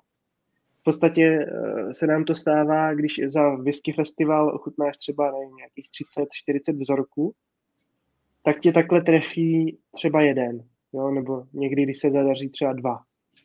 Že prostě najednou ti to úplně, úplně jako naběhne na tom, na tom předloktí a víš, jo, to je ono, tohle je ten, tohle je tohle, ten panák, který tohle se... Tohle to máme jako za... dvojčata, no, teda jak jsi říkal na začátku. No, tohle se prostě úplně propíše, propíše do paměti. Proto já si vždycky obdivuju všechny, kteří mají nějakou úplně přesnou databázi všech vzorků, co kdy ochutnali. Já jsem to hned ze startu prokoučoval a pak zpětně bych to nedal nikdy dohromady. Ale mám pár jakoby panáků, u kterých se mi tohle přesně stalo. A jeden z nich byl uh, Artback Supernova 2010, tam to mě úplně, to si pamatuju, ten pocit, jak už je to sice těch 5-6 let zpátky, ale pamatuju si to doteď. Potom, potom bych to ještě vypíchl, když jsme pili mm, Glendorna Grander, nějakou tu batch devítku, jestli se nepletu. Uh, takže u toho taky. A jako třetí, třetí, určitě jsem to měl taky, když jsem pil ten 27. Red Breast. Ale Glengoyne 25, to jsme měli v tom na Bar Conventu. Jo, jo, to taky. A já musím říct, teda, jako... když to vezmu, vezmu zpětně, tak Bunahaven Oloroso na 60,5%, taková oranžová etiketa, to bylo absolutně famózní. Dvakrát jsem to ochutnával na whisky festivalu v Malý Morávce, dva roky po sobě a lahev taky už je už sehnatelná, za, samozřejmě sehnatelná, ale za velký peníze, ale absolutně famózní pití. Uh, vy už jste to nějak naznačili, máte jakoby poměrně celkem úzce navázanou spolupráci s Wilmorangí a s Arbegem. Jak vlastně tady to celé vzniklo? to má daleko sáhlou historii. Proto se já jsem, uh, já jsem přecházel do Prahy a, a šel jsem na, šel jsem vlastně na pohovor přes jednu uh, HR firmu, že Moet nabírá, nabírá obchodního zástupce. Dostal jsem se do nějakého zúženého kola pro mezi tři lidi, ale že jsem dělal v restauraci a já nevím, nějaký nedostatek jinak, jakože znalostně, že by to bylo super, ale prostě, že, že nemám vlastně úplně zažitou tu obchodní činnost jako obchodák. Takže jsem nebyl přijat. Jenomže Veronika, která tam pracovala uh, uh, v té HR agentuře, tak, uh, tak skončila a začala dělat právě pro Moet Hennessy. Právě pro, to, pro tu firmu, která ji najmula, tak začala dělat. No a my jsme jako zůstali jako kamarádský, opravdu jenom jako opravdu jako kamarádsky na tom, že, že uh, ona přišla jednou do nějakého baru a říkám, je, dobrý den. Ona je dobrý den, no tak super, no tak jsme se pobavili a říkám, no tak jak se máte, to bylo jako, že ještě jako vykačka. Ona, no já dělám teďka pro to moje Hennessy, jak jste se hlásil. Říkám, super, super. No a začala tam jakoby komunikace s tím, že jako uh, Hedonism Spirit děláme tyhle ty věci, děláme právě s destilátama, že nás to hrozně baví a, a bla, bla, bla. No takže to začalo být takový jako aktuální v tom, že uh, schánějí nějaký lidi uh, nebo nějakého člověka, který by zastupoval ty značky.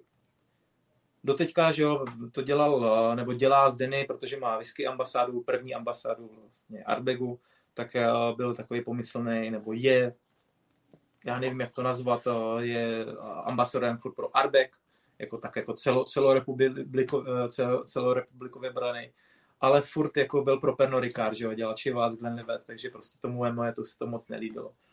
No a já už nevím, jak to bylo, ale tenkrát, eh, tenkrát uh, uvažovali nad tím, že by opravdu byl někdo potřeba pro tu značku. A já nevím, jestli jsme už rozjížděli mít Vandals, tak říkám, že by Vítě, že by Vítě byl adekvátní jako člověk, který by to mohl dělat. A slovo dalo slovo a začalo, začalo spolupráce na tomhle tom jejich jakoby projektu. No. Ale samozřejmě, samozřejmě, jak říkáme, jsme víc nestraní než straní. A...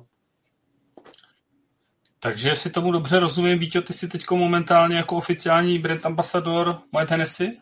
Ale já bych, já bych to takhle určitě asi neto, ne, ne, ne klasifikoval, protože Uh, protože oni, oni takovýhle post vlastně jako oficiálně ani nemají, jo, pro Česko. Ale jsme něco jako, nebo vlastně ta dohoda, kterou máme, je, je spíš na bázi jakoby školitel, než, než jako ambasador.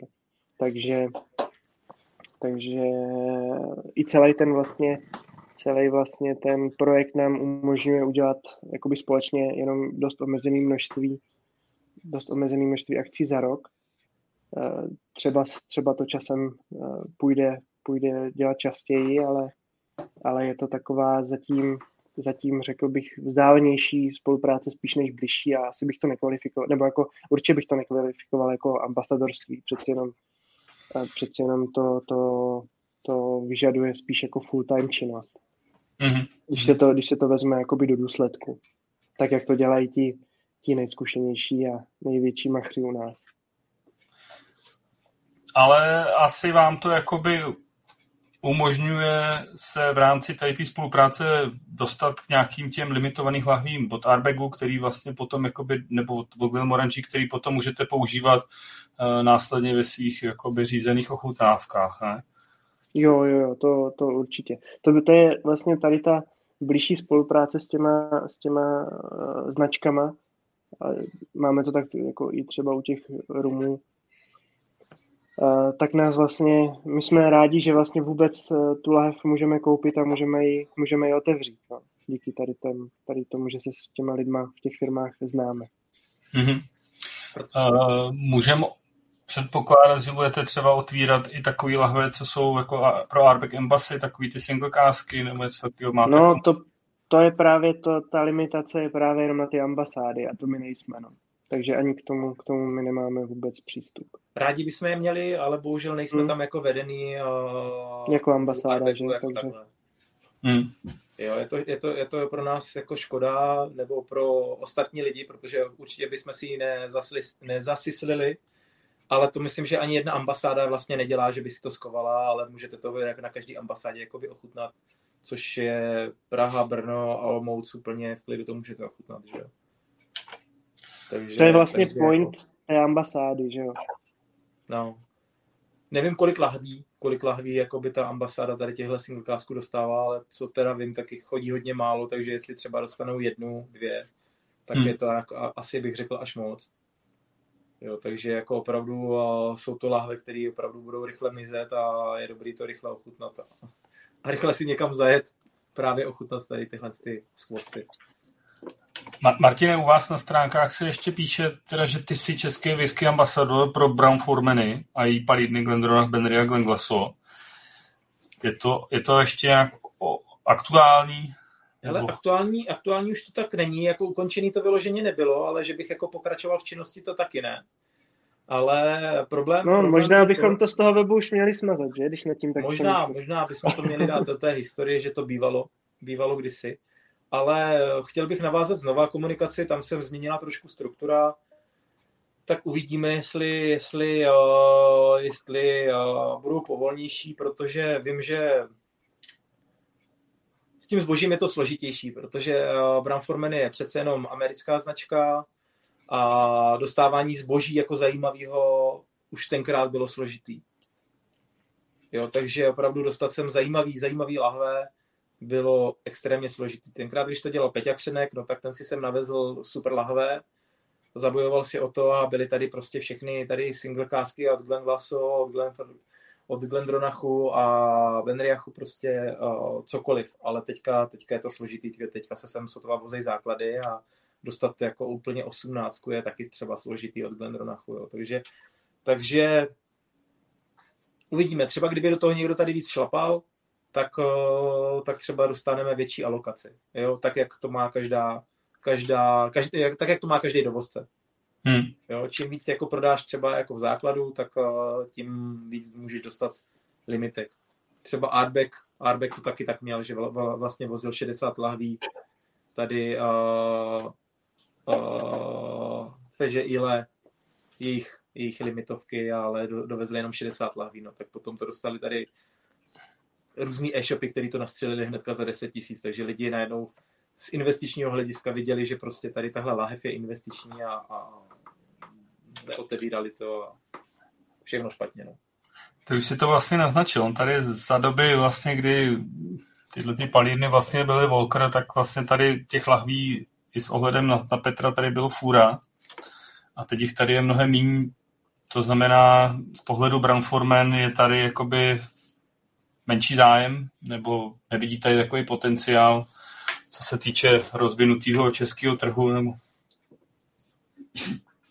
No, jako já můžu říct třeba z toho, z té formy, co jsem jezdil eh, na školení, tak tam byl problém to, že já jsem jel tady do Horní Dolní jako kamkoliv a bylo to do jakýhokoliv podniku, který z whisky neměl žádnou zkušenost. Já jsem tam třeba do, přijel do jednoho nejmenovaného podniku a tam mi řekli, jo, jo, to tady ještě od kluku, tady máme Glenfiddich.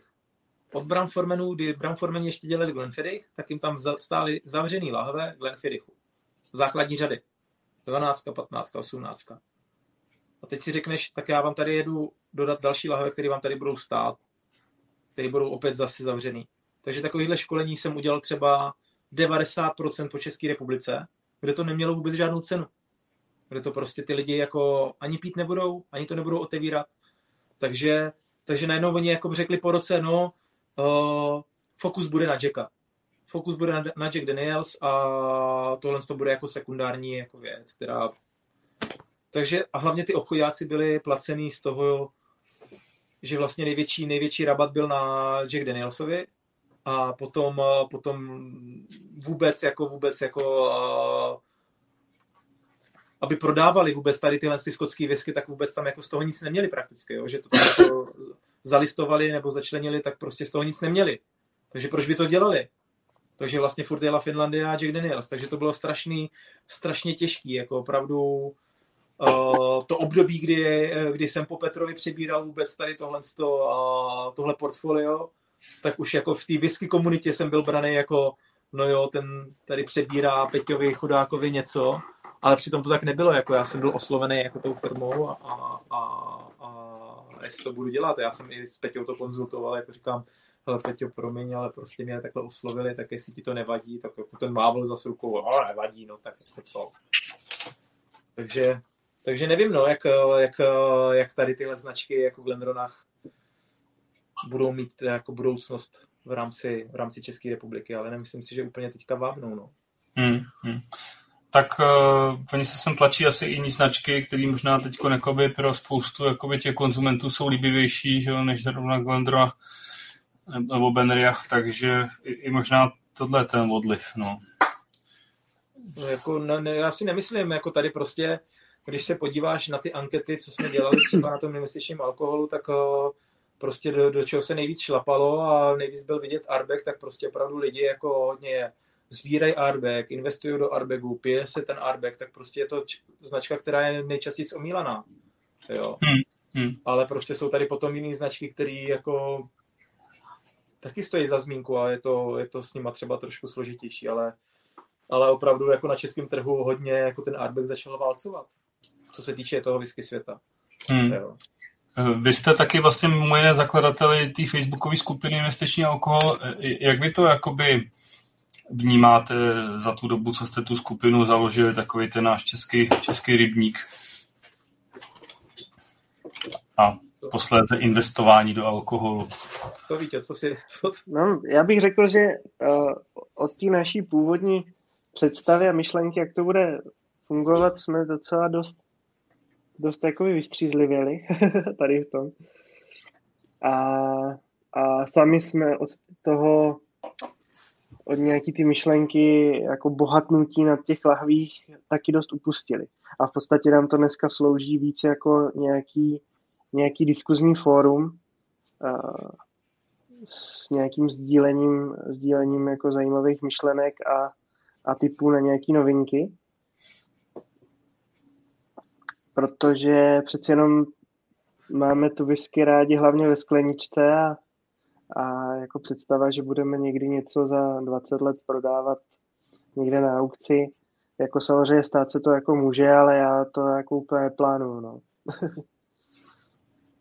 Snažíme se dělat teďka to, aby jsme mohli ty lahve otevírat v klidu a mohli jsme si otevírat sami a ne jako čekat na to, že to otevřeme na degustaci. Takže... Počkej, to, tomu teďka úplně nerozumím, člověče. no, že budeme mít peníze, aby jsme je nemuseli prodávat a že nám nebude vadit, když se podíváme na aukce, když vezmu, já nevím, plácnu ten Red Breast 27, současnou cenu, a podívám se za, na ní za 10 let, kdy ta lahev bude stát třeba plácnou 50 tisíc. Takže nebudu mít problém ji otevřít, protože si řeknu, a proč bych ji měl prodávat za 50 tisíc protože si ji chci vychutnat, že jo. A prostě mám peníze, které jako nepotřeb, nepotřebují prostě prodávat. To je ta myšlenka. Mirka se ptá, jaká vlastně byla původní vize té skupiny, kterou jste založili? Ty jo, vzpomeneš si ještě na to vůbec? No tak ta původní vize právě byla dát dohromady uh, jakoby skupinu těch lidí, který, který ten uh, alkohol vlastně sbírají, ty destiláty, za tím účelem uh, třeba i nějakého zhodnocení. Jo, to byla ta původní vize, protože já nevím, to bylo někdy už jako na začátku roku 2018 možná jsme to založili, jo, nebo ještě možná před, no tak nějak. Uh, v té době se o tom ještě zdaleka uh, jako v té širší, širší veřejnosti nemluvilo tolik jako dneska.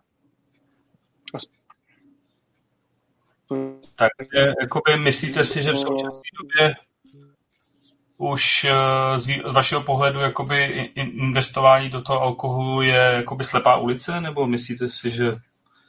Hmm, slepá ani ne, ale už je tam prostě celkem dost vysoký, a ono to logicky prostě k tomu muselo přivést, eh, to vysoký, vysoký množství těch spekulantů, kte, spekulantů, kteří vlastně k tomu samému, samotnému produktu vlastně nemají vůbec žádný vztah.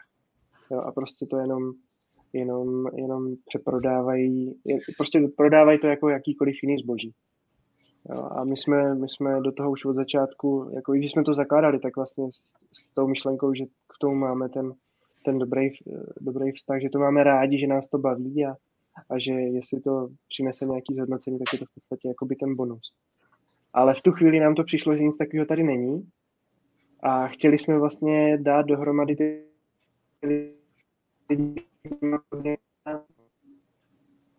Což se ve finále vlastně si troufnu říct eh, i trochu povedlo. Vlastně nakonec, na, nakonec Facebook vlastně donutil svýma pravidlama eh, z toho vyřadit jakoukoliv inzerci a jakýkoliv nabízení, jakýkoliv prodej. Takže, takže to vlastně jakoby v úvozovkách očistil od tohoto. A a troufnu si říct, že to, že to jako spoustě lidem přineslo, přineslo jako určitý know-how a, a,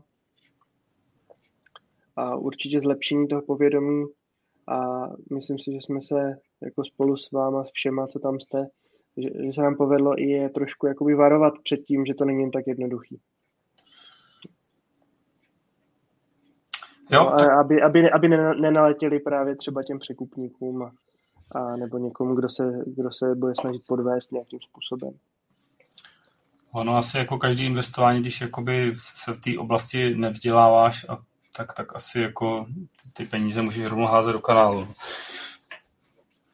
Jo, ale tak sám víš, že prostě teďka prostě minulý nebo předminulý rok před minulý rok, 2020, letěli o, nový palírny, že jo, prostě mít inauguračku z nový palírny bylo prostě neuvěřitelná věc, prostě přeprodej okamžitý a ať to byla Rázej, ať to byl Arnamburcha nebo ať to byl Toravek, tak to bylo prostě hnedka, hnedka se to přeprodávalo, že lahev, která stála tady 60-70 liber, tak se prodávala hnedka za 5, za 5,5 tisíce, no nedej bože, teďka se podívat na to, kolik to stojí, tak je to, tak je to mazec. A jak říká Vašek, jako tady ty novicky za tří letý jako pro, kupovat za 10 tisíc a víc tisíc je prostě nesmysl, no. Takže takže ty lidi si na tomhle tom chtěli namastit kapsu, ale když si to, když si to vezmeš kolem a kolem, kolik těch lahví bys musel mít, abys na to měl jakoby slušný zisk, no jako přece, přece jako rozumný člověk, uh, z rozumného člověka musí odradit to, že jako vezmu lahev,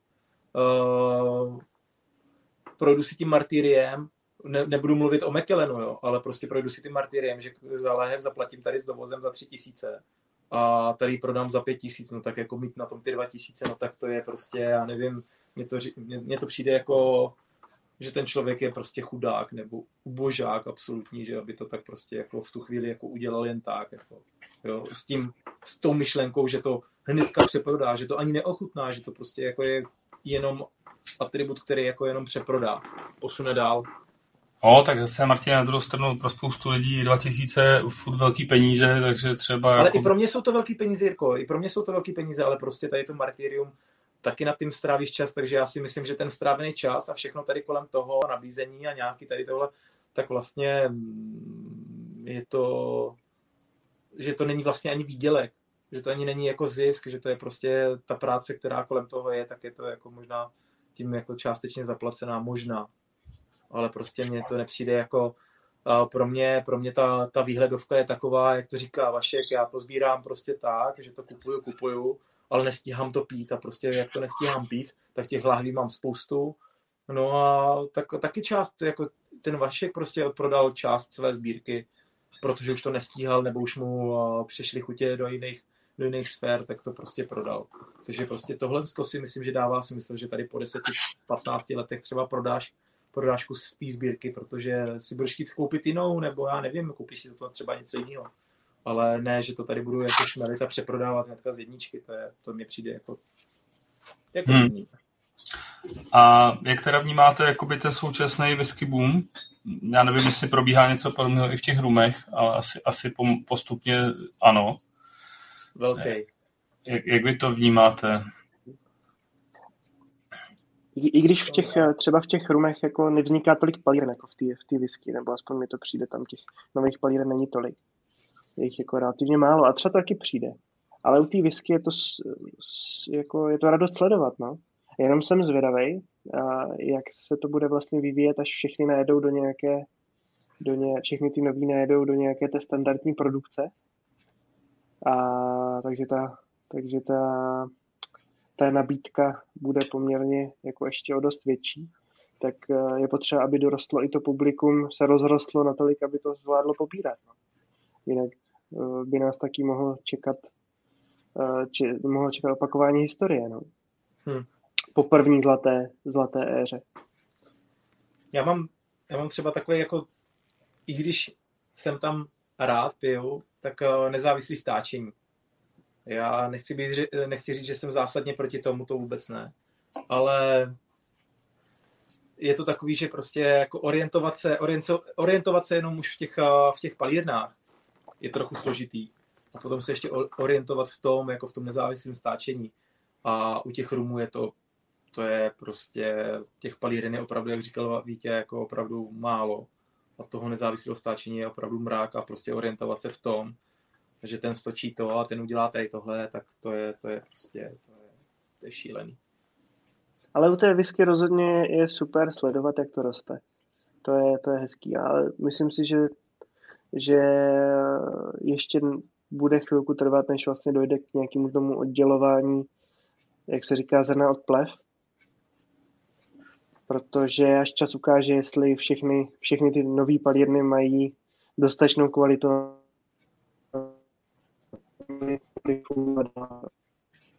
což z těch inauguračních lahví zatím po těch třech letech ještě nemusí být zdaleka patrný, protože to, to nadšení může mnohdy přebít to, to očekávání té budoucí kvality. No. Mm-hmm. A teď jsme byli chviličku teda mimo Českou republiku, jak to vnímáte u nás? No u nás to vnímám jako extrémně pozitivně. Až samozřejmě na na, na nějakou tu výjimku. Ale to, jak tady k tomu ti výrobci v drtivé většině přistupují a jaký, jaký jsou to lidi jako, jako z, toho, z toho jako základního lidského hlediska, tak, tak si neumím představit, že by to nedopadlo dobře.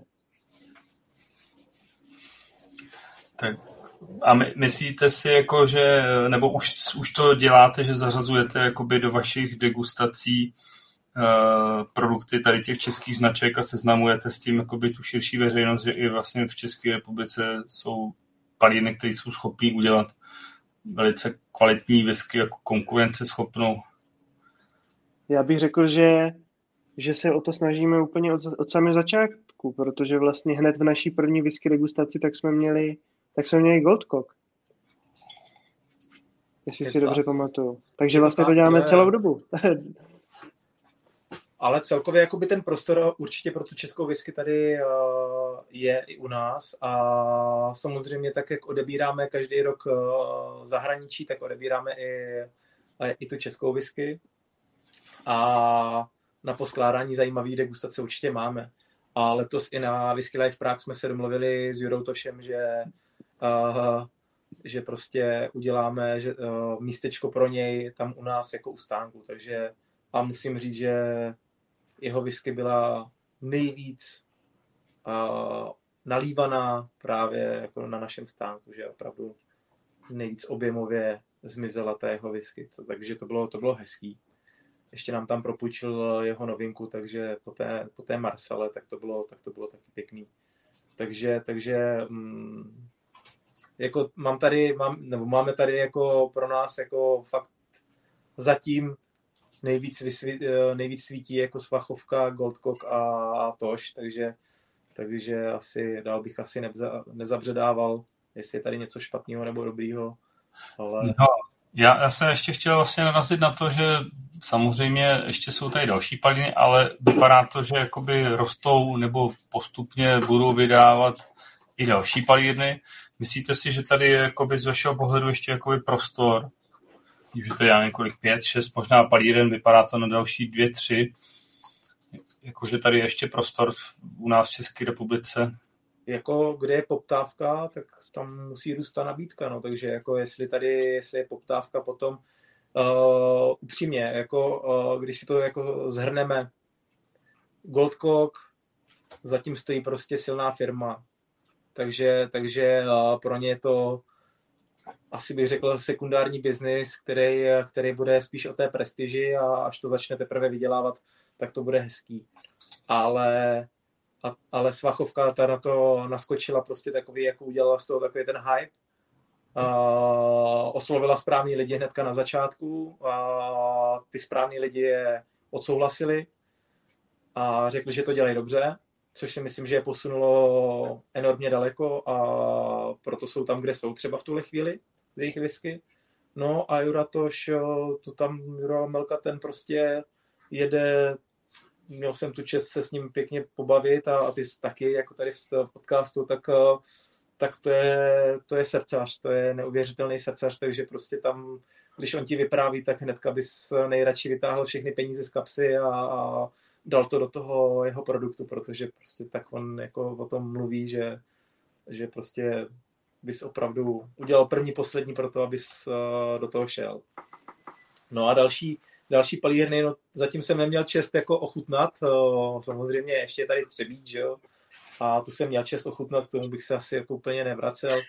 Uvidíme, jak se budou vyvíjet dál, jako tam probíhají nějaké změny, takže uvidíme třeba, třeba třeba dají na širší publikum uh, haterů a, a změní svoje chování a, a, a uvidíme. No a pak je tady, já nevím, uh, ten Landcraft a pak na Vysočině se začíná objevovat nová, bude asi nová whisky, takže takže já, já říkám, prostor tady určitě je a, a pokud to bude dobrý, tak samozřejmě, jak říkám, od Goldcocku, ani od Jury, ani od uh, Svachovky není všechno to nejlepší, nebo každému chutná něco jiného, takže prostě mě chutná pino a vím, že Václavovi prostě pino nechutná třeba tolik. Jo? Takže, takže každý si ten svůj produkt u té dané palírny najde, takže já si myslím, že ten prostor tady určitě je. Nevím na kolik, ale určitě je. Fajn. Hele, kluci, vy vlastně pro každou tu vaši řízenou ochutnávku pro ty lidi se asi poměrně dost detailně a dlouho připravujete. Uh, kolik vám příprava času zabere vlastně ta nějaká ochutnávka, případně kde vlastně chodíte si čerpat informace, odkaď? No, ty uh, rozhodně to zabere mnohem víc času, než bych chtěl.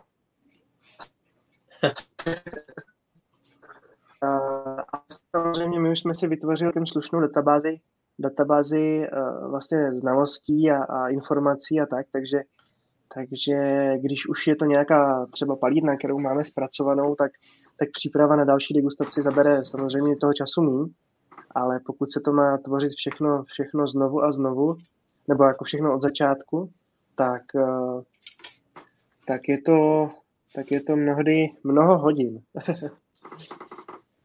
opravdu jako mnoho hodin, protože jednak jedna věc je to jakoby najít, najít ten kvalitní zdroj těch informací, který je ještě zároveň aktuální, protože spousta informací už je dávno, se to někde vysí na internetu nebo je to někde v knížkách, ale realita už je jinde. Takže najít, najít zdroje, udělat nějakou rešerši a potom si z toho vypichnout ty, ty nejdůležitější body, no a pak to zapracovat ještě i do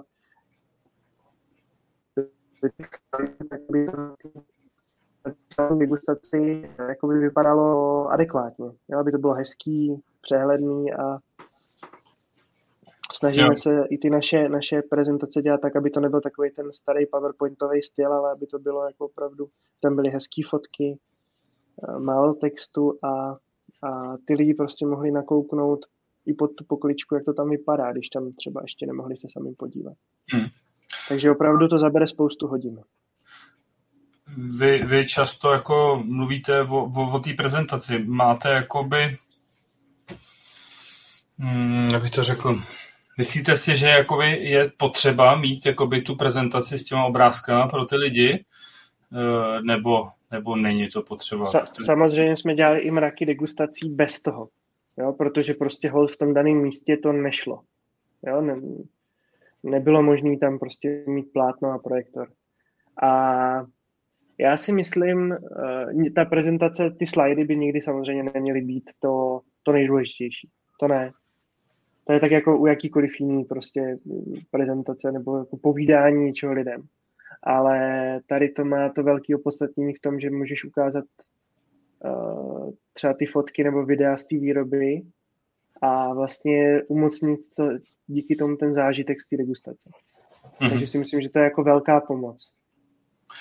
A rozhodně ten zážitek bez toho, protože když tam jakoby ty slajdy nemáš a máš to jenom postavit na tom povídání, tak je to, tak se to mnohdy z toho stane spíš taková jako kdyby stand-up komedy možná, mně přijde, tak ze zkušeností. Uh, a je to samozřejmě mnohem víc o té osobnosti toho řečníka, že jo? Hmm. Co všechno tam dokáže do toho, do toho vtěsnat. Ale Já myslím musím... si, že ty, že ty fotky prostě pomůžou hmm. jo, tomu zážitku. Já, já teda musím říct, že prostě co jsem měl zažil v zahraničí jakoby řízený degustace, tak vlastně ani na jedný nebyla prezentace. Mm-hmm.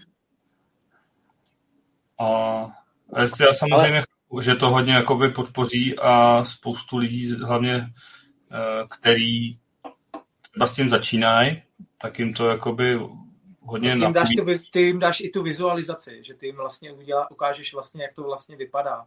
Protože jako spousta lidí zná, tak si, že ty znáš jako 120 palíren ve Skotsku, ale vlastně vůbec nevíš, jak, jak, jak to tam vypadá, protože si navštívil třeba ty, třeba si navštívil plácnu jednu třetinu, jednu polovinu, ale prostě je to, je to vizualizace, je to prostě pro toho člověka takové jako hmatatelnější, ne jako, že jim tam vykládám něco a konec.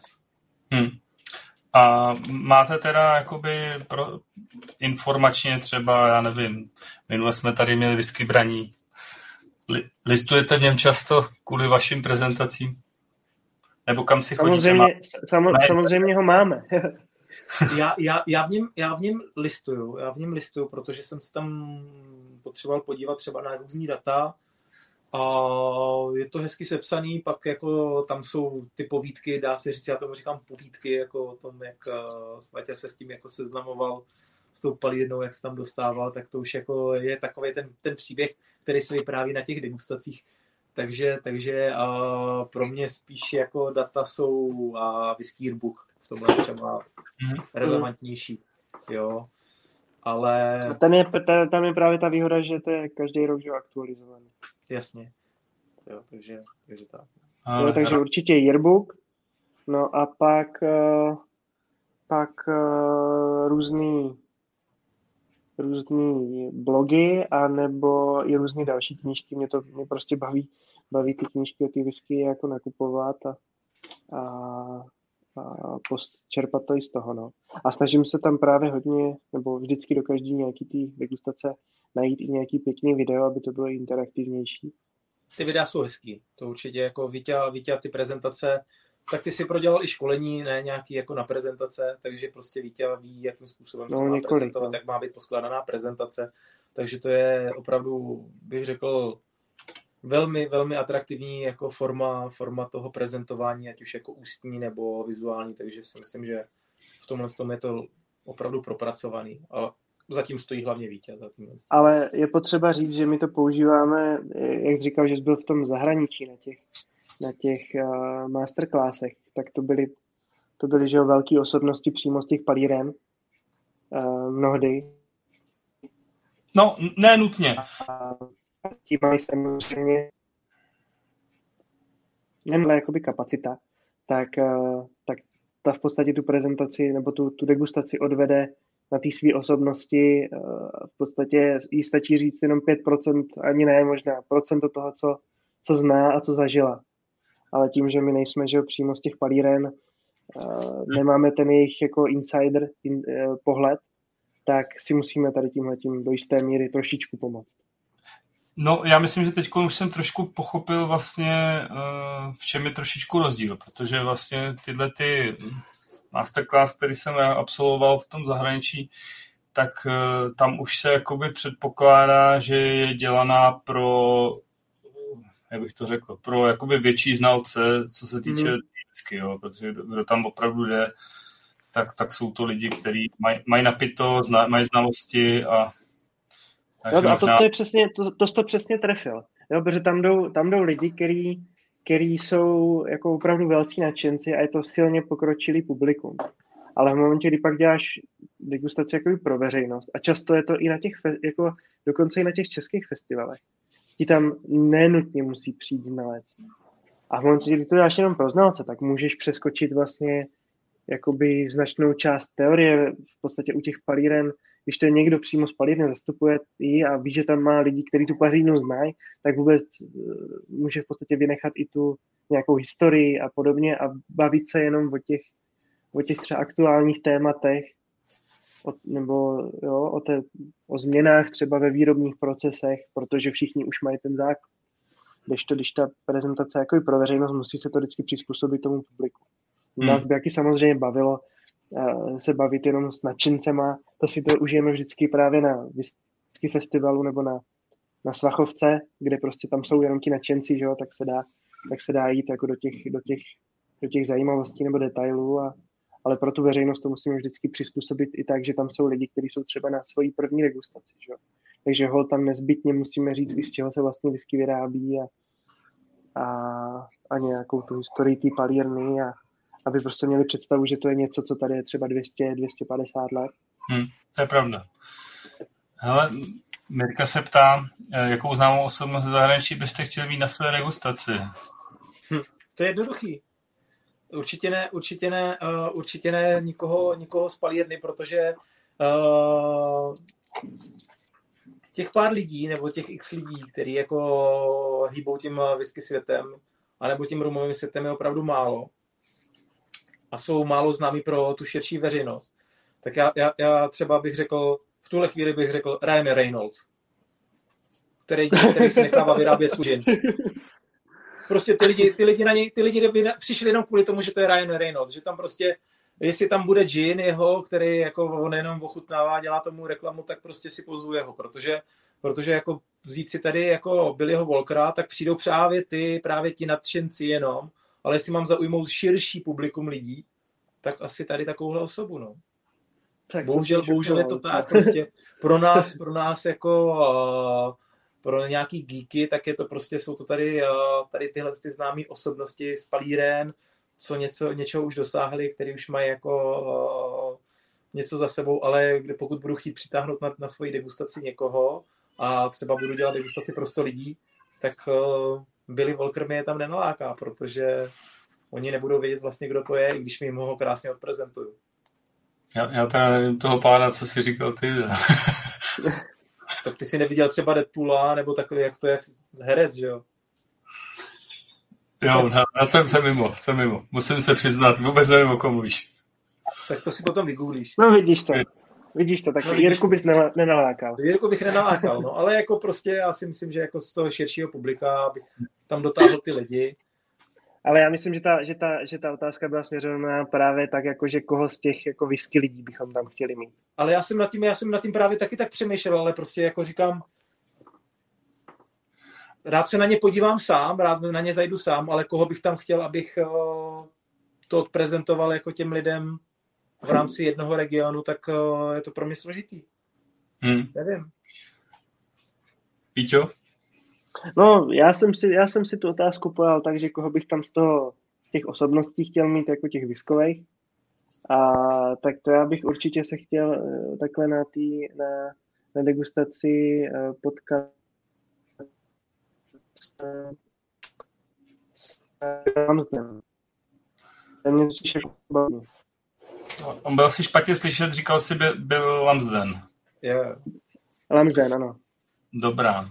Mirka to Protože teda... s ním bych si mohl pohovořit, s ním bych si mohl pohovořit jak o, o Glamorangi, tak o Artbagu a bylo by to fajn. Mirka to ještě zpřesnila dobře, kdybyste mohli mít jako, kdyby si chtěli kohokoliv, jako nějakou hvězdu třeba. Ale uh, uvažovali jste o tom někdy, že byste si jakoby na nějakou tematickou uh, tady jako ma, řízenou ochutnávku třeba pozvali nějakou zahraniční nebo českou hvězdu, že by vám s tím jakoby oživila to trošku? Tak uh, jako hmm. jestli, jestli je tím myšleno fakt jako nějakou veřejně známou osobnost, tak uh, ne, nemyslel jsem veřejně známou osobu. úplně, Ne, ne, to jsme jako, asi, asi jsme nad tím No, neuvažovali. jsme teda úplně, se přiznám, neuvažovali. My ani tu kapacitu jako nemáme, jako že bychom měli takový jako možnost toho oslovení nějakého zajímavého hosta, aby jsme ho oslovili, protože, jak říkám, neangažujeme se v korporátech a nemáme takový dosah právě na ty zahraniční. Jako... No ne, myslel jsem třeba jakoby spolupráce vaše s Arbegem, plus je tady prostor pro jakoby třeba vaše spolupráce versus Whisky Life Prague a třeba opravdu je tady možnost toho byla vám zde na dotáhnout do Prahy a udělat tady nějakou opravdu velkou show. My jsme, my jsme vlastně se jako s tou naší spoluprácí, když tady byl uh, Paul Melon, uh, jakoby brand ambassador globální Artbagu, tak vlastně jsme to spolu pořád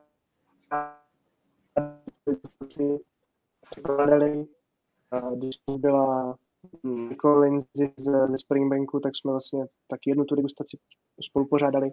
Takže mě, tak jako pár takovýchhle hostů jsme, jsme na degustacích měli. Ale nevím, jestli to je až tak jako, jestli to splňuje tu definici té otázky.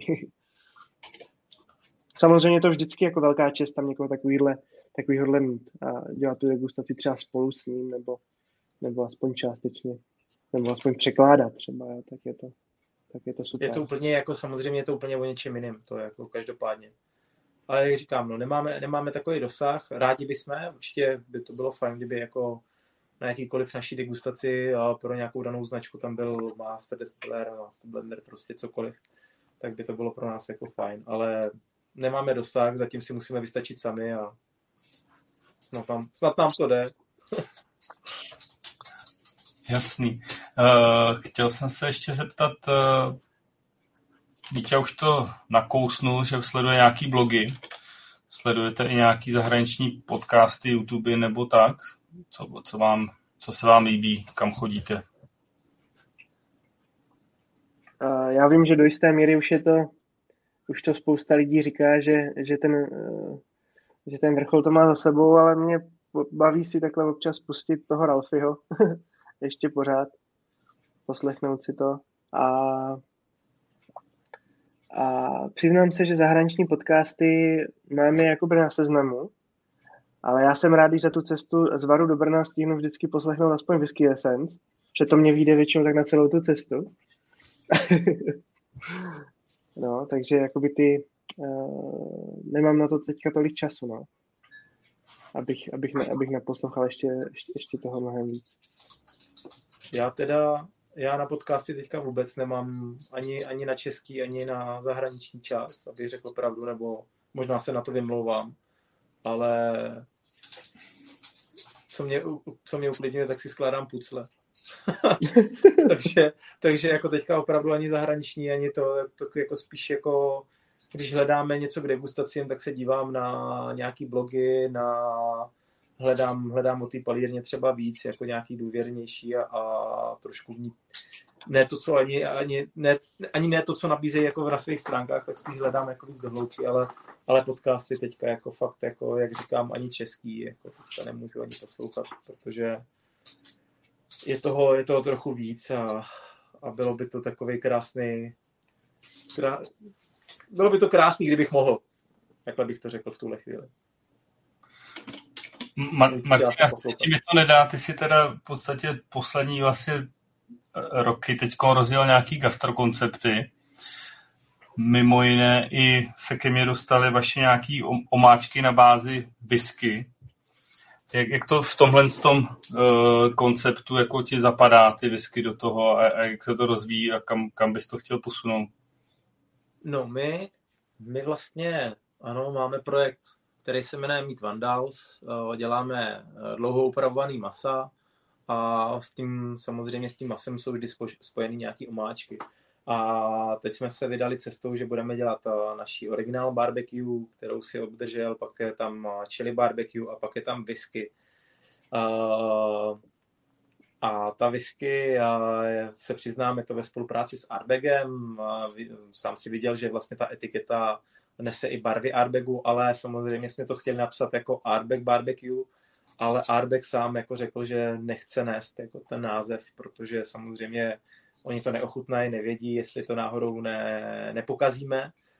A když by to bylo pokaz, pokazený produkt, tak by zatím byl prostě postavený ten artback, takže, takže, by to bylo, takže by to bylo asi jako ne moc dobrý pro tu značku, takže nám povolili jenom nést jako na zadní etiketě, že obsahuje 2% artback whisky.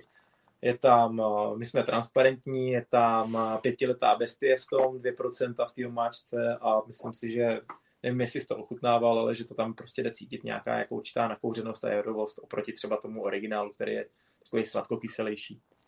Takže... Je tam, jako ten Arbeck, ta linka tam je protnutá poměrně značně.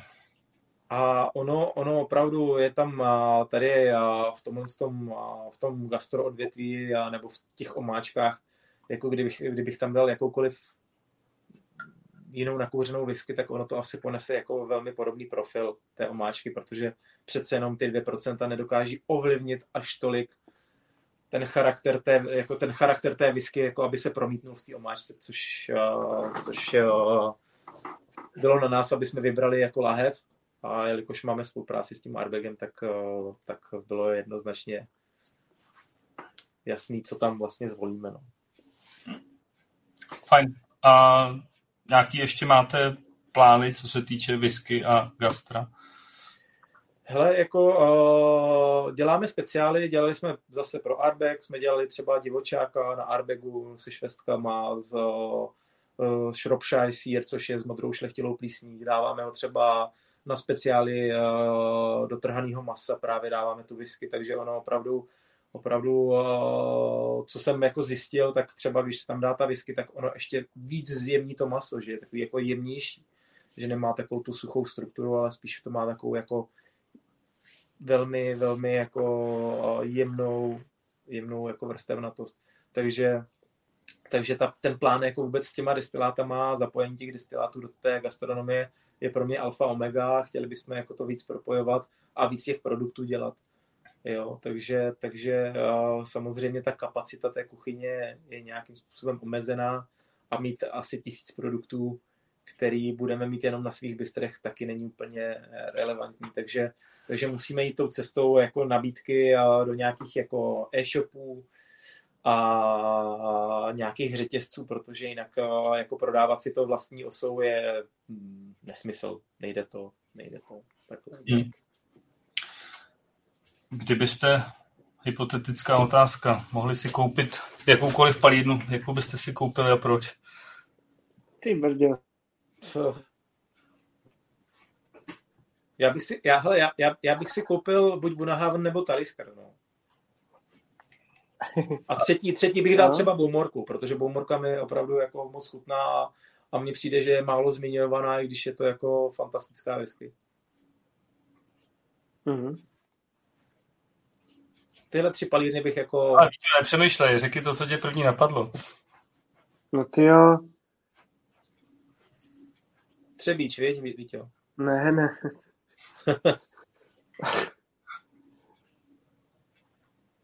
jako, já, já vlastně ani nevím, jestli bych si nějakou palírnu chtěl jako kupovat, i kdybych mohl. Jo, protože jako když člověk vidí, kolik je, kolik, no ne, já prostě jako já bych Řekni, kterou bys si skoupil prostě. Kterou bys teďka, kdybys měl prachy, co si koupíš? Tak já nevím, no. Tak...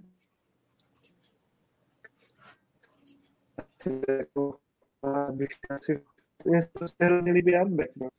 Takže... Tak to si pro všech dobu, kdy byl za 7 milionů Hardback. Mm, mm. Mm.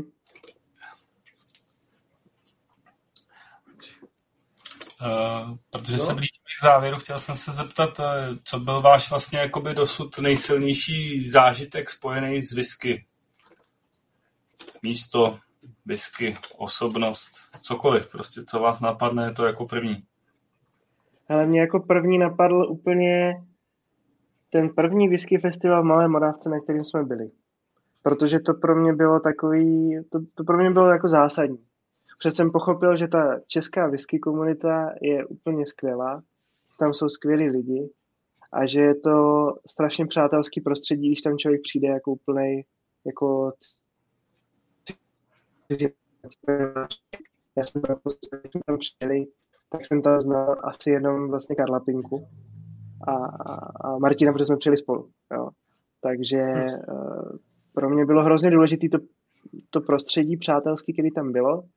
A dneska je to skoro jak jako druhá rodina, jo? že prostě se tam člověk těší jak na nějakou, víc jak na nějakou rodinnou návštěvu, protože tam jsou kolikrát, že jako nějaký ty vnitrorodinný záležitosti, ale, ale tady nejsou, jo? tady je to prostě super. Takže pro mě opravdu zásadní a nejsilnější, protože to vlastně formovalo všechno, všechno ostatní, tak byl první whisky festival Malé, Moravce, na kterým jsme byli. Tak u mě je to setkání vlastně, nebo pozvánka, že jsme mohli být na Billy Volkrovi, myslím, že to byl 2019, eh, před Whisky Live Pragem, kdy to bylo jenom pro úzkou skupinu lidí a mohli jsme být jako součástí té degustace, kdy tam jenom byl Billy, Work, Billy Volker a dalších, já nevím, 12, 12 lidí. A tak nějak uh, jsem byl rád, že jsme byli už vnímaný tou komunitou, že, že do té komunity vlastně patříme a, a, a, a že jsme byli začleněni jako do tohohle, z toho, do, toho, do, tohohle, do té komunity. Takže uh, to, že jsme byli na whisky festivalu v Malý Morávce, to byl první takový ten krok, ale pak pro mě bylo důležité to začlenění, že jako do toho vlastně patříme i my, že to není jako, že nejsme jenom pouhý účastníci, kteří tam jezdí se vypít, ale že nás i ta komunita bere, že tomu tak nějak jako i třeba rozumíme a že opravdu nejsme žádní šmelináři, že to rádi pijeme. Fajn, díky. Pokud byste si mohli dát nějaký drum whisky s nějakou známou whisky osobností, koho byste si vybrali a jakou whisky byste si s ním rádi dali? Hmm, já se budu asi opakovat. Já bych se chtěl fakt potkat s tím Lanznem, protože měl jsem s ním sice jako několik online degustací. Jsem se ho jako mohl jako ptát, ale to není tak jako naživo, takže s ním, s ním bych si chtěl určitě dát panáka. A asi by to byl ten, asi by to byl Artback Provenance, no. to bych si dal. No, tak to já budu jako se opičit asi, protože uh, díky jako traflu, tak uh, byly, u mě jako stouplo hodně. Tak bych asi s ním taky, ale nevím, nevím co bych si, co bych si jako vyloženě uh, přál za panáka ochutnat. Fakt jako v tuhle chvíli já, ne, já ne, nemám, nemám vysněnýho panáka, kterého bych si jako teďka přál ochutnat. Těch, těch bude jako samozřejmě asi, asi víc, ale v tuhle chvíli mě jako nic nenapadá, že bych jako vyloženě teď chtěl něco ochutnat. Ono to vždycky tak přichází, ochutnáváme, otevíráme a nemám, nemám to... nastudováno, jako že bych teďka řekl si jako tenhle panák, jako určitě nějaký, určitě nějaký 50-70 letý whisky, ať už je to Bowmore, McKellen nebo prostě, ať je to Glenlivet, tak prostě tady tyhle, ty, tyhle starý, protože by mě zajímalo opravdu, jak chutná 50, 60, 70 let stará whisky. Jo, měl jsem čtyřicítky, ale prostě 50 jsem ještě opravdu neměl. Tak tohle bych jako opravdu rád ochutnal. A panáka s Billy Volkerem už jsme měli, takže to, to už je dobrý.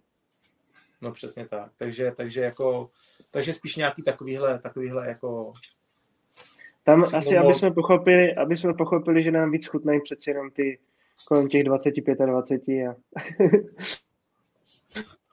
tak třeba takový 40 letý Glenn Farklas byl výborný, že jo? A ještě do nedávna za super cenu. čtyřicítka. Jak vidíte vy teď jakoby po, po těch letech, co strávili jste z whisky, jak vidíte i budoucnost, takovou tu nejbližší a třeba za deset let a jak vidíte tu budoucnost uh, hedonism spirits nejbližší a za deset let, kde se vidíte? No, já bych si, já bych byl fakt strašně šťastný, kdybychom se tím uh, hedonismem mohli, kdybychom si to mohli užívat ještě mnohem víc, než můžeme teď. Jo, protože mě to fakt extrémně baví a, a mrzí mě, že na to třeba teď nemám tolik, tolik času a energie, jak bych, jak bych chtěl, takže věřím, že za těch deset let to bude, to bude výrazně, výrazně lepší a, a povede se nám šířit všech destilátů mezi lidi, aby pochopili, že to má smysl. To, co pijou, je vyrobený a, a jak ti výrobci jsou k ním transparentní a, a že je to především o té radosti a potkávání se s dalšími lidmi. No. A z hlediska ty whisky jako takový, tak já věřím, že, že, si najde, že si najde cestu i k těm, i k těm jakoby dalším generacím, který teprve s destilátama třeba začínají a ještě úplně neví, jak může být whisky krásná. No. A že dokážou vlastně ty lidi uh, pokrýt, pokrýt i ty nový palírny, aby, aby prostě nemuseli ty nový palírny za těch 10, 10, 15, 20 let třeba zavírat, no. to doufám nestane. Já to vidím tak, že jako Hedonism Spirit pro mě je uh, strašně pěkná značka, ať už jako uh, vizuálně nebo prostě jako filozoficky. A že za těch deset let, jak říkal Vítě, aby jsme se tomu chtěli věnovat uh, já bych se tomu chtěl věnovat jako spíš full-timeově než, eh, než okrajově a opravdu mít jako rentabilní příjmy z mých jiných podnikání a tohle to mít opravdu jako, jako hedonista. Takže tohle bych jako rád viděl jednou za deset let. Chápu, že to je krátká budoucnost, ale prostě uh, budu dělat pro to cokoliv, aby to tak bylo. No a whisky, myslím si, že uh, v oblasti whisky, ať už jako celkově destilátů, je tam eh, markantní skok za posledních pár let, opravdu jako pár let, protože ať už eh, ty Jirko víš, jako jak dlouho seš sám ve whisky a je tady spousta jiných whisky nadšenců, který už opravdu v tom jsou 10, 15, 20 let, tak uh, až teďka vlastně vnímám ten, ten boom za poslední taky tak zhruba od toho roku 2018, ať už těma facebookovými skupinama, ať už o té edukaci, která probíhá vůbec celosvětově, tak, nebo o tom povědomí, o tom povědomí, že ta whisky tady je, takže si myslím, že i ty mladí lidi začínají pít a začínají si opravdu vybírat to, co pijou a není to o tom, že uh, whisky nebo ten rum je prostě drahý a budou radši pít ty levnější destiláty. Myslím si, že už to tak není, takže jako myslím si, že za 10 let bude ještě ta whisky a celkově ty destiláty o, o kus dál, že opravdu uh, čím čím dál tím mladší generace se tím bude propíjet a ochutnávat a, a bude chtít být právě začleněná mezi ty starší a zkušenější lidi, takže si myslím, že ty lidi prostě budou k tomu přicházet v dřívějším věku než, než tady ve 30 a v, v 35, ale třeba už v útlem 20 letem, 21 letem věku už budou opravdu přicházet k těm zajímavějším destilátům, protože ta společnost bude takhle třeba nastavena. Kluci, Jestli mám... teda nebudeme pít jenom nealko. to je taky možný, no. To mě trošku jako se...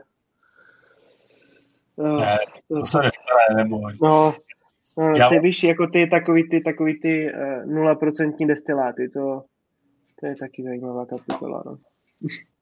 To, to, to sem nepatří, prosím tě. No, no. Ale víš, Ale... jako, že to pořád, pořád to nějakým způsobem člověk vidí, no. Tak. Já vám samozřejmě hrozně přeju, aby vám ty vaše sny, co se týče uh, Hedonism Spirit, vyšly. A abyste za těch deset let opravdu se tomu mohli věnovat na ten full time.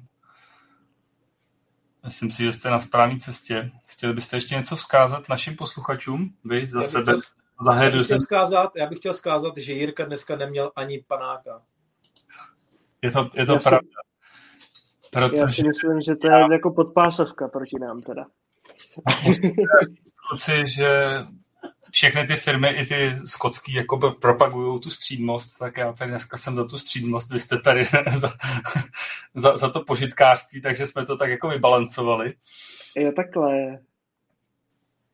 Jakože jsme dneska na tebe byli dva, tak uh, vždycky se můžeme opít jenom v tvém podcastu dva lidi, takže jako dneska jsme dva. tak doufám, že jsme to zvládli. A prostě, jak říkám, pijte s Martinem a s Vítěou a s rozumem. My každopádně děkujeme za pozvání. Jsme rádi, že jsme tady mohli být součástí uh, tvého podcastu a je nám velkou ctí jako vůbec tady být a dostat já, se mezi já... takové kapacity, co tady byly před námi. Já vám, Vítě a Martine, moc děkuju, že jste přišli, našli jste si čas si popovídat vlastně o, o svém životě spojeným s whisky. My jsme se od vás dozvěděli mnoho zprostředkovaných zážitků s whisky a požitkářstvím. Já vám přeju, aby vám ten elán vydržel a prostě měli jste mnoho pracovních úspěchů i do těch nových projektů. A možná, že vás bude zajímat, kdo bude naším příštím hostem. No, určitě. Podcastu se zaměříme na jeden ze třech základních surovin, ze kterých se vyrábí whisky a tou surovinou bude samozřejmě ječmen. A o něm a nejen o něm si popovídáme s odborníkem na slovo vzatým, protože naším příštím hostem bude člověk, který se profesně zabývá sladařstvím a pod jeho rukama se připravuje ječmen pro český pivovary, ale také pro české palírny whisky. A příště si popovídáme s Pavlem Vavříkem ze sladovny Bruntál a já se na něj velmi těším. Bude to teda asi si myslím hodně odborný a uh, sofistikovaný, takže kdo, kdo má rád tady tyhle ty geekovské věci, tak si příště užije. A vám všem přeju krásný zbytek večera a těším se s váma na slyšenou příště. Mějte se krásně. Tak jo, díky moc, mějte se krásně. Díky, dobrou noc. Dobrou noc.